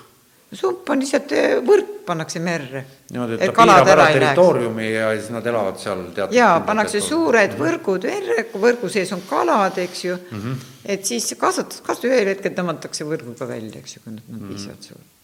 okei okay ja mis siis nüüd sellega on siis, mis selle? no ma ütlen, siiamaani ei lubatud see Helsingi komisjon, kes nagu eh, võitleb selle eest, et Läänemere oleks iga kaitstud ja reostust vähendatakse, ei lubanud vahepeal. Vene ajal oli meil sumba, sumba, kalasumbakasvatus meres. nüüd vahepeal ei olnud üldse ja nüüd tuleb jälle ja tuled jälle siis eh, suurte plaanidega just jällegi võõrad, eks ju. nojah aga samas seal Hiiumaa rannikul on meil Natura kaitsealad, seal on meil see agariku, eks agar-agari see vetikate kasvuala, mis on ka nagu looduskaitseala, see, millest marmelaadi sisse pannakse, seda tardainet saab, eks ju. Taaliku sadamat, ma tean, Saaremaal tehakse ka marmelaadisadamaks spetsiaalselt ja, kohe et saada et mina, mina ütlen, et see, see ei ole tegelikult hea idee. Tegelikult mina ütlesingi ära, öeldi, eks ruttu-ruttu, kas osalete. mina ütlesin, et mina ei taha, esiteks ei ole nii ruttu, ei saa korralikku uuringut teha mingi ühe suvega. Mm.. et see on haltuura. Ja no praegu meil on nagunii üks projekt, meil on, me teeme nagu taustauuring, meil ongi Kolgalaht, Paldiski ja Tagalaht Saaremaal ja see oli nagu ka, see oli ma, selle Põllumajandusministeeriumi tellitud töö, et saada see tausta, noh, enne kui kalakasvatused tulevad, et see taustainfo, et me, palju seal, me võtame seal keemia, keemiaanalüüsi, mikrobioloogiat, kõiki. aga kuidas Eestis nüüd ütleme, keskkonna seisu, seisukord regiooniti, kuidas on, et kui me juba räägime siin Saaremaa ja Hiiumaa ja Paldiski ja niimoodi, et et kas on suured erinevused, ütleme seal niisugustes kriitilistes punktides? no mis see keskkonnas, kui me, nagu me ennem rääkisime, see lageraie, siis praegu tegelikult hiidlased ja saarlased räägivad just, et väga palju võetakse metsa ikkagi maha. võetakse küll, mul seal Saaremaal see hakkab muutma, et tegelikult mets on ju ikkagi niisuguse, öeldakse, et kopsud ja ja hoiab seda niiskust ju ka kinni, eks ju kui me võtame palju metsa maha, siis me tegelikult kõrbestumist soodustame. aga kas need numbrid, et, et seda noh, ma olen lugenud erinevaid numbreid. praegu vaatad ökosüsteemid. et öeldakse, et noh, et, et, et Eestis on metsa küll ja veel ja et seda peabki maha võtma, ehk siis arvendama, mitte lageraiest ma ei räägi praegu, aga põhimõtteliselt, et arvendama peab, et, et, et ütleme, okaspuu mets kasvab täis mingi seitsmekümne aastaga, et niisugust metsa on hästi palju, mida tuleks arvendada ja et siis võitlevad need Eesti Metsa abiks justkui, võitlevad selle vastu, mida teed peakski nagu tegema, et, et see diskussioon on nagu, et, et ma ei saa aru, kellel õigus on no tähendab, muidugi lageraid võib teha, aga seal peab jälgimagi niimoodi, et ei panda niimoodi, et see lageraid platsid tulevad üksteise kõrval. no seemnepuud pidi olema üldse bullshit või noh. aga nad sätivad neid teinekord, kuna ostetakse maid ka kokku ja siis satub niimoodi, et siin, et siis läheb see lageraie platsi suurus läheb liiga suureks, kuigi ta on piiratud nüüd niimoodi. aga niimoodi saab nagu nihveldada, et lõpuks, kuna masinale on tegelikult ju kasulik teha, eks ju, suurem plats, noh, kui teha mingeid väikseid asju et no kui oleks niimoodi, et oleks sea-, Eestis ongi tegelikult, meil on palju, väga palju väga häid seadusi aga meil on alati neid lõtvu kohti ja neid seadusi ei täideta, kui me täidaks kõiki neid seadusi, mis meil on hästi, siis võib-olla olekski elu palju, palju paremini, jah. aga mis on veel see lageraie üks asi, mida ei arvestata, et no kuna mina olen tegelenud see põhjaveega, no ka mikrobioloogia ja põhjavee, mul on see joogivesi on minu üks niisugune missioon ja lemmikteema olnud. Ja siis, kui inimest, kui ma hakkan mõtlema, et inimesed on tulnud minu juurde, et kahjuvesi läks pruuniks ja siis, kui sa hakkad uurima, et miks läks pruuniks, oli see, et kõrval oli lageraie. sest et kui sa võtad metsa maha, see produktiivsuse pool sellest ökosüsteemist on ära võetud, jääb see destruktiivne pool, see lagunemise pool, siis ainult kõik laguneb, eks ju, mis on sinna maha jäänud. ja kui hakkab see lagunema, tekib neid laguaineid, mis on ka need umiinained ja pruunid ained, eh, nii nagu soovesi on ju pruun, eks ju mm. -hmm ja siis need lähevad näiteks kaevudesse, imbud sisse ja kaevuvee omadused muutuvad. ütleme, kui tehakse nüüd lageraie ja istutatakse, istutataksegi noh, mingisugune mets, nii nagu Inglismaal teadupärast vist on kogu mets, mis seal praegu on, on istutatud mets enam-vähem. et kas mei-, meil on ka selline tulevik ja perspektiiv või? no istutatakse küll, aga kuna see võtab aega, kuna sellest mets ju saab no seda küll, aga noh, et meil on veel suhteliselt hästi, et meil on, meil ei ole enamus istutatud mets. ei no ega praegu ma ütleks ka, et või, miks võid, võide, võitlema peabki ennem, kui veel päris halvasti ei ole no,. Et... kui juba päris halvasti. aga keegi vassib numbritega, et, et, et milleks üldse võideldakse, kui on olemas seadused, et, et siin on nagu see. no tänapäeval me ei saa midagi vassida enam, meil on satelliidid ja, ja meil on droonid ja tegelikult eh, nii nagu eh, lõhmus Tartu Ülikoolis tegi, tegelikult satelliidipiltide pealt saab täpselt näha, kus on mets, kus ei ole metsa. et see, see on ju kõik võimalik. Google Maps'is saab ja, vaadata. isegi sealt saab vaadata, et me ei saa öelda, et me ei tea, see on kõik tegelikult näha, kui tahetakse näha mm. aga no see ongi, peab olema see tahtmine. no aga selge, et ma vaatan, mis mul ja, ja et äh, mul on siin mingeid märksõnu, aga need on kõik kuidagi ah,, et, et mis asi on MPA? niisugune lühend, mis hoiab ära eostumise, siis on, näide oli toodud Hollandi sigadega, kelle siirup, mida nad sõid, sisaldas aa, see oli ka see üks, üks artikkel, mida ma ammu-ammu juba lugesin, mis oli ka üks ajend, miks ma hakkasin neid sünteetiliste hormoonide keskkonnamõju nagu rohkem uurima ja ega seal oligi seal artiklis, mina ka ei tea täpselt või ma ei mäleta, ma ei leidnud enam seda artiklit üles, sellepärast et see oli nii ammu ja ja no ma nii palju vahepeal vahetanud ka neid töökohti ja neid pabereid ja kõiki on nii palju ja kolitud ja aga igatahes see, see oli niisugune asi, et Hollandis, see oli nüüd mingi selle kahe tuhande aasta alguses, kaks tuhat kaks vist oli nagu artikkel, et Hollandis oli emiste farme, no emised on sellepärast farmis, et põrsaid toota. ja emist, et järsku enam põrsaid ei tulnud ja hakati uurima, et mis siis emistel viga on, kõigepealt emised nägid head välja, kõik olid hästi toitunud ja ei olnud nagu mingit põhjust. ja siis hakati seda sööta uurima ja mis välja tuli. Hollandis on üldse maad vähe mm, ja, ja Holland on üldiselt arenenud riik ja siis on neil ka, neil on seal linnad ja linnadel on reovesi ja ja nende linnades ka naised planeerivad oma perekonda ja ja, ja siis puhastati see reovesi ära, aga reovees on ikkagi toitained teatud määral sees ja seda on võimalik kasutada põldude väetamisena. ja sellega siis kasteti mm, peedipõldu. ja sellest peedist tehti siis suhkrusiirupit, peedisiirupit, eks ju, ja seda siirupit kasutati siis sigade selles äh, sööda tegemiseks. aga kuna need hormoonmolekulid on väga niisuguse, nad on need, need bensiinituumad on niisugused, niisuguse struktuuriga, mis väga raskesti looduses lagunevad, see ongi see ohumärk, et ta ei lagune looduses. siis need jäid sinna reovette alles, need jäid peedi peale, läksid koos peetidega sinna siirupi sisse ja koos siirupiga siis sigade toidulauale.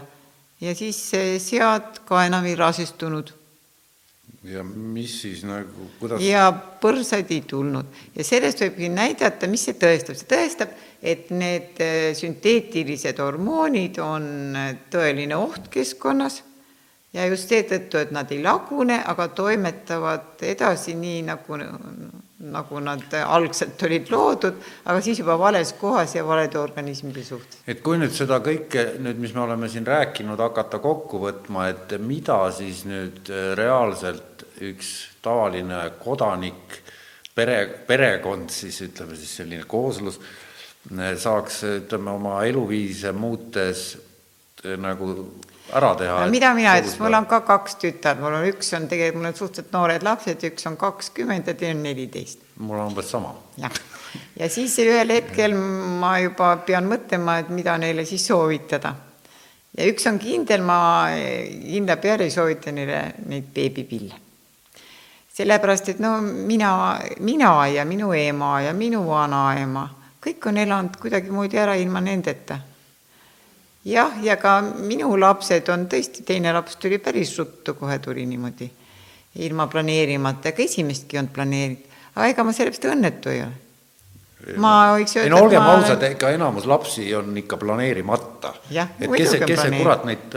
kui sa hakkadki neid väga planeerima, siis jaksa. ongi ju lõpuks ei tulegi. no Hiinas prooviti, noh vist ja, ja mida, mida mina võiks veel öelda, et miks need beebipillid, seda on isegi üks Tartu Ülikooli, mul ei tule meelde, üks mees, professor, zooloog, kirjutanud ka päris sama mõtteni jõudnud nagu mina. see muudab ka käitumist.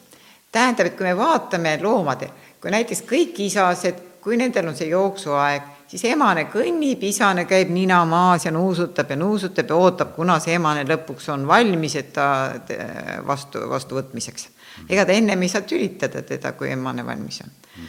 ja aga nüüd, kui, kui ka emane inimene eh, on niimoodi, et põhimõtteliselt on see riskimoment, et ta võib rasestuda, siis peab ka isane tegelikult jälgima teda, peab vaatama, kuidas ta meeleolud on, kuidas tal need kõik asjad käivad ja tegelikult selle jälgimise läbi tegelikult õpib seda naist paremini tundma, nad äh, nagu, nad saavad rohkem kokku. aga kui isane ei pea üldse seda naist jälgima, kui naine on kogu aeg ühtemoodi saadaval, nagu ütelda. No tegelikult siis äh, ka suhtumine on palju tegelikult, äh, ta ei pea süüvima selle naise hingeelusse ega tema tujudesse ju. ja kui vaadata nüüd niisuguseid räigemaid juhtusid, kui me räägime siin pere, perevägivallast, aga noh, no kui ma sätiks mingi, oleme niisugune agressiivne mees, no miks ma, no näiteks, no miks, miks see naine siis ei anna kätte, eks ju, tal ei ole mingit häda ju mm. -hmm. ja pirtsutab siin ja hakkab mulle vastu, eks ju no.. ja mul on igasugused vajadused, eks ju. no muidugi. no ajab südame täis ju. no ajab, muidugi ajab no vot, aga tegelikult eh, me ei saa aru, et tegelikult see hakkab eh, võib-olla kaudselt ka inimsuhteid rikkuma. mis asi nüüd siis? no kas näiteks, kui me võtame neid antibeebipille ja meie naine ei käi oma ah, no jah, see enam... hakkab mõjutama jah seda, et ta ei taha ja siis noh, minnaksegi doktori juurde murega. et eh, see on üldsegi noh, niisugune keerulisem küsimus jah, nagu praegu ma lugesin ka, olen lugenud need, mis need naised, kes need noored naised kasutavad neid, nüüd, nüüd teadlased avastasid, olid ka sakslased vist, et eh, muudab tuimaks. et naised enam nagu noh, kaobki ära nendel see seksuaalsus natuke aga, kaob ära ja, ja ei huvitu enam ja. kumb on suurem probleem, kas nüüd need antibeebipillid või, või antidepressandid, sest antidepressante süüakse ju ka juba nüüd imikutest kuni ja neid no, süüakse nii palju, et meres juba mõõdetakse, on mõõdetavad kogused, mis on päris hull. see on ikka uskumatu, et, et, et see on vist veel, veel suurem probleem. ja aga, aga mille, millest tuleb depressioon? Aga kui sa küsiks oma vanaema käest, kas ta ei tea, mis on, mis on depressioon? jah, mu vanaema oli paarkümmend aastat Siberis, tuli tagasi ja ei olnud depressiooni. ei olnud depressiooni. ei olnud. aga see on kõik sellesama asja, see üks tulemus, eks ju. see on see kompleksne mõju, mis on kõigil selle kemiseerimise tulemus. aga see on ikkagi see ka, et ikkagi olgem ausad, noh, see, et kõik on liikuvate piltide mõju all, et see noh, see kõik see interneti ei ole enam päris elu on niisugune, inimest ei rahulda ikkagi see. tegelikult kui, kui mina ütleks, et mis see antidepressant on, mine metsa, eks ju, mine mere äärde, see on kõige parem antidepressant. tükk no, aega kui... oled vaadanud seal lainete loksumist või linnulaulu ja ongi tuju parem ma tean seda, et inimesed ei suuda, sellest oli ju, sa ise rääkisid saate alguses, et, et, et lapsed ei püsi, nad ei suuda keskenduda, et iseendaga olemine on üks suuremaid probleeme ju. inimestel peab kogu aeg raadio ja, mängima, neil peab olema mingi müra taustal, mingi pilt liikuma. iseendaga vaikuses üksinda olemine on keeruline asi tänapäeval. no mina isegi üliõpilased ütlesin, et iseendaga, miks ma ütlesin, miks peab ülikoolis õppima, mina ütlesin, et kui, et õppida on alati huvitav ja vajalik et, et kui sa, ükskõik mida sa oled õppinud, aga siin, kui sa oled endaga kahekesi kodus, see on palju huvitavam olla, kui sa loll, kui selle, kui võrrelda seda, kui sa loll oled, eks ju. tähendab, sa saad ju maailmast aru, eks. no isegi mina ütlen praegu, et, et mina õppisin ju kommunismi ja teaduslikku kommunismi no., aga tead, ma ütlen, et isegi see ei ole, see on praegu nüüd, kui meil on see kapitalism siis, eks ju ja ma mäletan, eks ju, Marxi teoseks oli roiskuv kapitalism oli, eks ju, ja siis Lenin rääkis laste haigusest siis ma võiks öelda, et praegu meil on, on osaliselt on see roiskuv kapitalism meil käes, eks ju, kui me vaatame seda, seda raiskamist ja kõik ja ka see last, laste haigust oleme üle saanud, eks. nii et eh, iga asi tuleb, ei saa öelda, et mingi õppimine on, kas või ajugümnastika on omaette, aga mis ma ütlen, mis see oht on, on, oht ongi, et meie kui roheline ja kui bioloog, et eh, lapsed kaugenevad loodusest et kui sa, kui loodu, tähendab, et kui sa midagi armastad, siis sa seda ei hävita. kui sa armastad loodust ja elu oma mitmekesisust, siis sa ei tee talle ka kurja.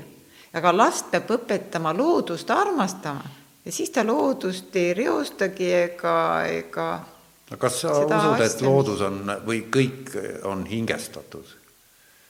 no aga loodus on ju elu täis, on seda, mida me näeme ja kõik ja kõik absoluutselt, kogu lood. No., et ei ole noh, ütleme teadlasena sa, sa elad materialistliku tead-, noh, see ülikool, kus sa õpetad, on ilmselgelt ju baseerub materialistlikul teadusel, kõik ülikoolid baseeruvad enamalt jaolt vist siiani ikkagi selle dualistlikul, noh, see hard question on ikka see mind-body, et see ei ole, keegi ei ole seda ära lahendanud, et tegelikult ju et, et kuidas see ülikoolis õpetamine välja näeb, kui, kui sa tegelikult usud Jumalat, piltlikult öeldes?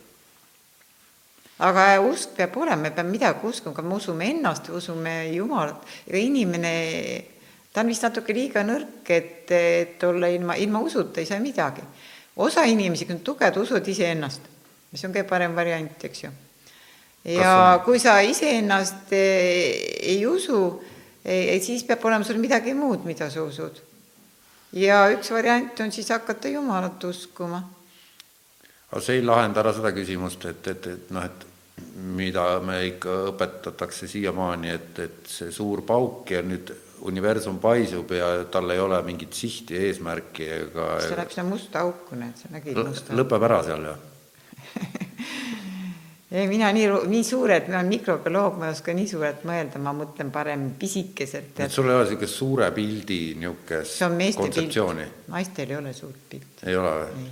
Nojah, see on siis, ütleme, põlisrahvaste usus on ka, et emake maa ja naised nii suuri asju, naised tegelevad rohkem maiste asjadega ja aga mehed, minu, minu mees ütles ka, et ta muidu on, ega ta päeva peale raha ei raiska, aga kui saaks kosmoseorbiidile, ma ütlesin, no on ikka, et, et tõesti. ma läheks iial orbiidile. ma vaatasin täna reaalajas, kuidas SpaceX-ist lasti rakette üles, Elon Musk lasi täna no vaata, sellepärast ongi huvitav, et, et mehed oleks mehed ja naised oleks naised, et tead, see on nii huvitav kokku saada, Muidugi. üks tahab orbiidile minna, teine tahab äh, kööki panni taha minna. no muidugi, ikka vot, no me jõudsimegi lõpuks selleni, et, et, et diversiteet või siis see elurikkus ja, ja me peame äh, teineteist või üksteist või kõike seda elurikkust tundma õppima ja kui me teda tunneme siis me saame sellega rohkem hakkama ja siis me peame tundma tema vajadusi, nii nagu kui mehed tunnevad naise vajadusi ja naised mehe vajadusi,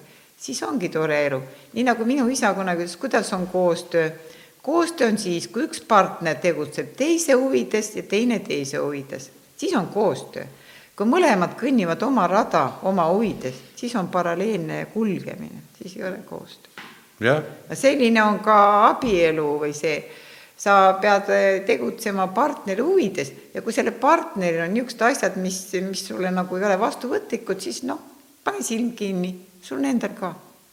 ja kui mõlemad oskavad nii elada, et mitte eh, tähtsustada neid asju, mis on teisel nagu natukene mitte päris nii, nagu mina tahaks, ja, ja tõsta esile just need, mis sobivad, ega muud lahendust ei olegi. nojah, et mul on ka see, et, et, et kui kui praegu käib niisugune käärimine selle noh, kõik see feminismi võrd-, võrdse, võrdsu, võrdsustamine, selline paaniline, selleks, et midagi võrdsustada, peab ennem tunnistama neid erinevusi ju. aga erinevused ju rikastavad. no ongi, et, et ma olen ka seda meelt, et et, et mehed ja naised siiski on eri, erinevad olendid mitmeski mõttes ja miks need rohelised ka, et on kahju, et nad ei saanud Riigikokku, mis see eesmärk on, et nüüd nagu see EKRE kõik, et kõik no EKRE-l on ka väga tähtis iive ja iive ja anname raha ja tähendab, et, et kõigepealt me peame olema viljakad. kui on probleem, et, et on laste saamisega probleem, no siis ei, mingi raha ei aita, eks ju. aga et meil oleks tervis korras ja viljakus normaalne, siis me peame ikkagi vaatama ka oma keskkonda ja kaitsma oma tervist, eks ju mis tihtilugu käib läbi selle keskkonna ikkagi. sest et noh, praegu ju on ka, tegelikult on ju väga, väga naljakas vaadata, kui leheski on mingi neli väga heas konditsioonis noort naist asutavad nüüd mingi ühingu äh, puuetega laste aitamiseks või noh, sünni, sünnihärvetega või et siis küsida, et miks neil neljal ilusal naisel kuidas, kuidas see juhtus, et neil on puuetega lapsed? aga kuidas see juhtus? no mina ei tea, aga neil on. no Ma aga inimestel ongi, ega, ega siin ei ole nüüd küll mõtet otsida, et vanematest mingit süüd keegi. no ma, üks süü võib olla ka keskkonnast see, see, mis mõjutab meid. siin me jõuamegi pealkirja juurde, et ma lõikan selle küll lühemaks, et algselt oli see innovatsioon keskkonna mõistes ja inimmõistes ja siis, et ära mahuks, ma panin innovatsioon saame, inimmõistes, et mida see tähendab, et et me peame saama aru, et, et kui me oota, näiteks mahe, mahepõllumajanduse arengul, hoiame oma keskkonda, ei ole orienteeritud ainult rohkem, rohkem tarbimist ja kõike nii, siis me hoiame ka iseennast ju tegelikult tegelikult siis me oleme tervemad, see tervis on kõige tähtsam. ja kui me oleme tervemad, me oleme rõõmsamad, meil ei ole depressiooni et terved olla, siis tuleb käia värskes õhus, süüa tervislikult. ja hoida kõike, oma metsasid ja puhast vett ja. no aga siis nii teemegi. nii teeme. aitäh tulemast et väga äge oli think long, just spread your arms and jump down. Soon you feel the wind is flying near.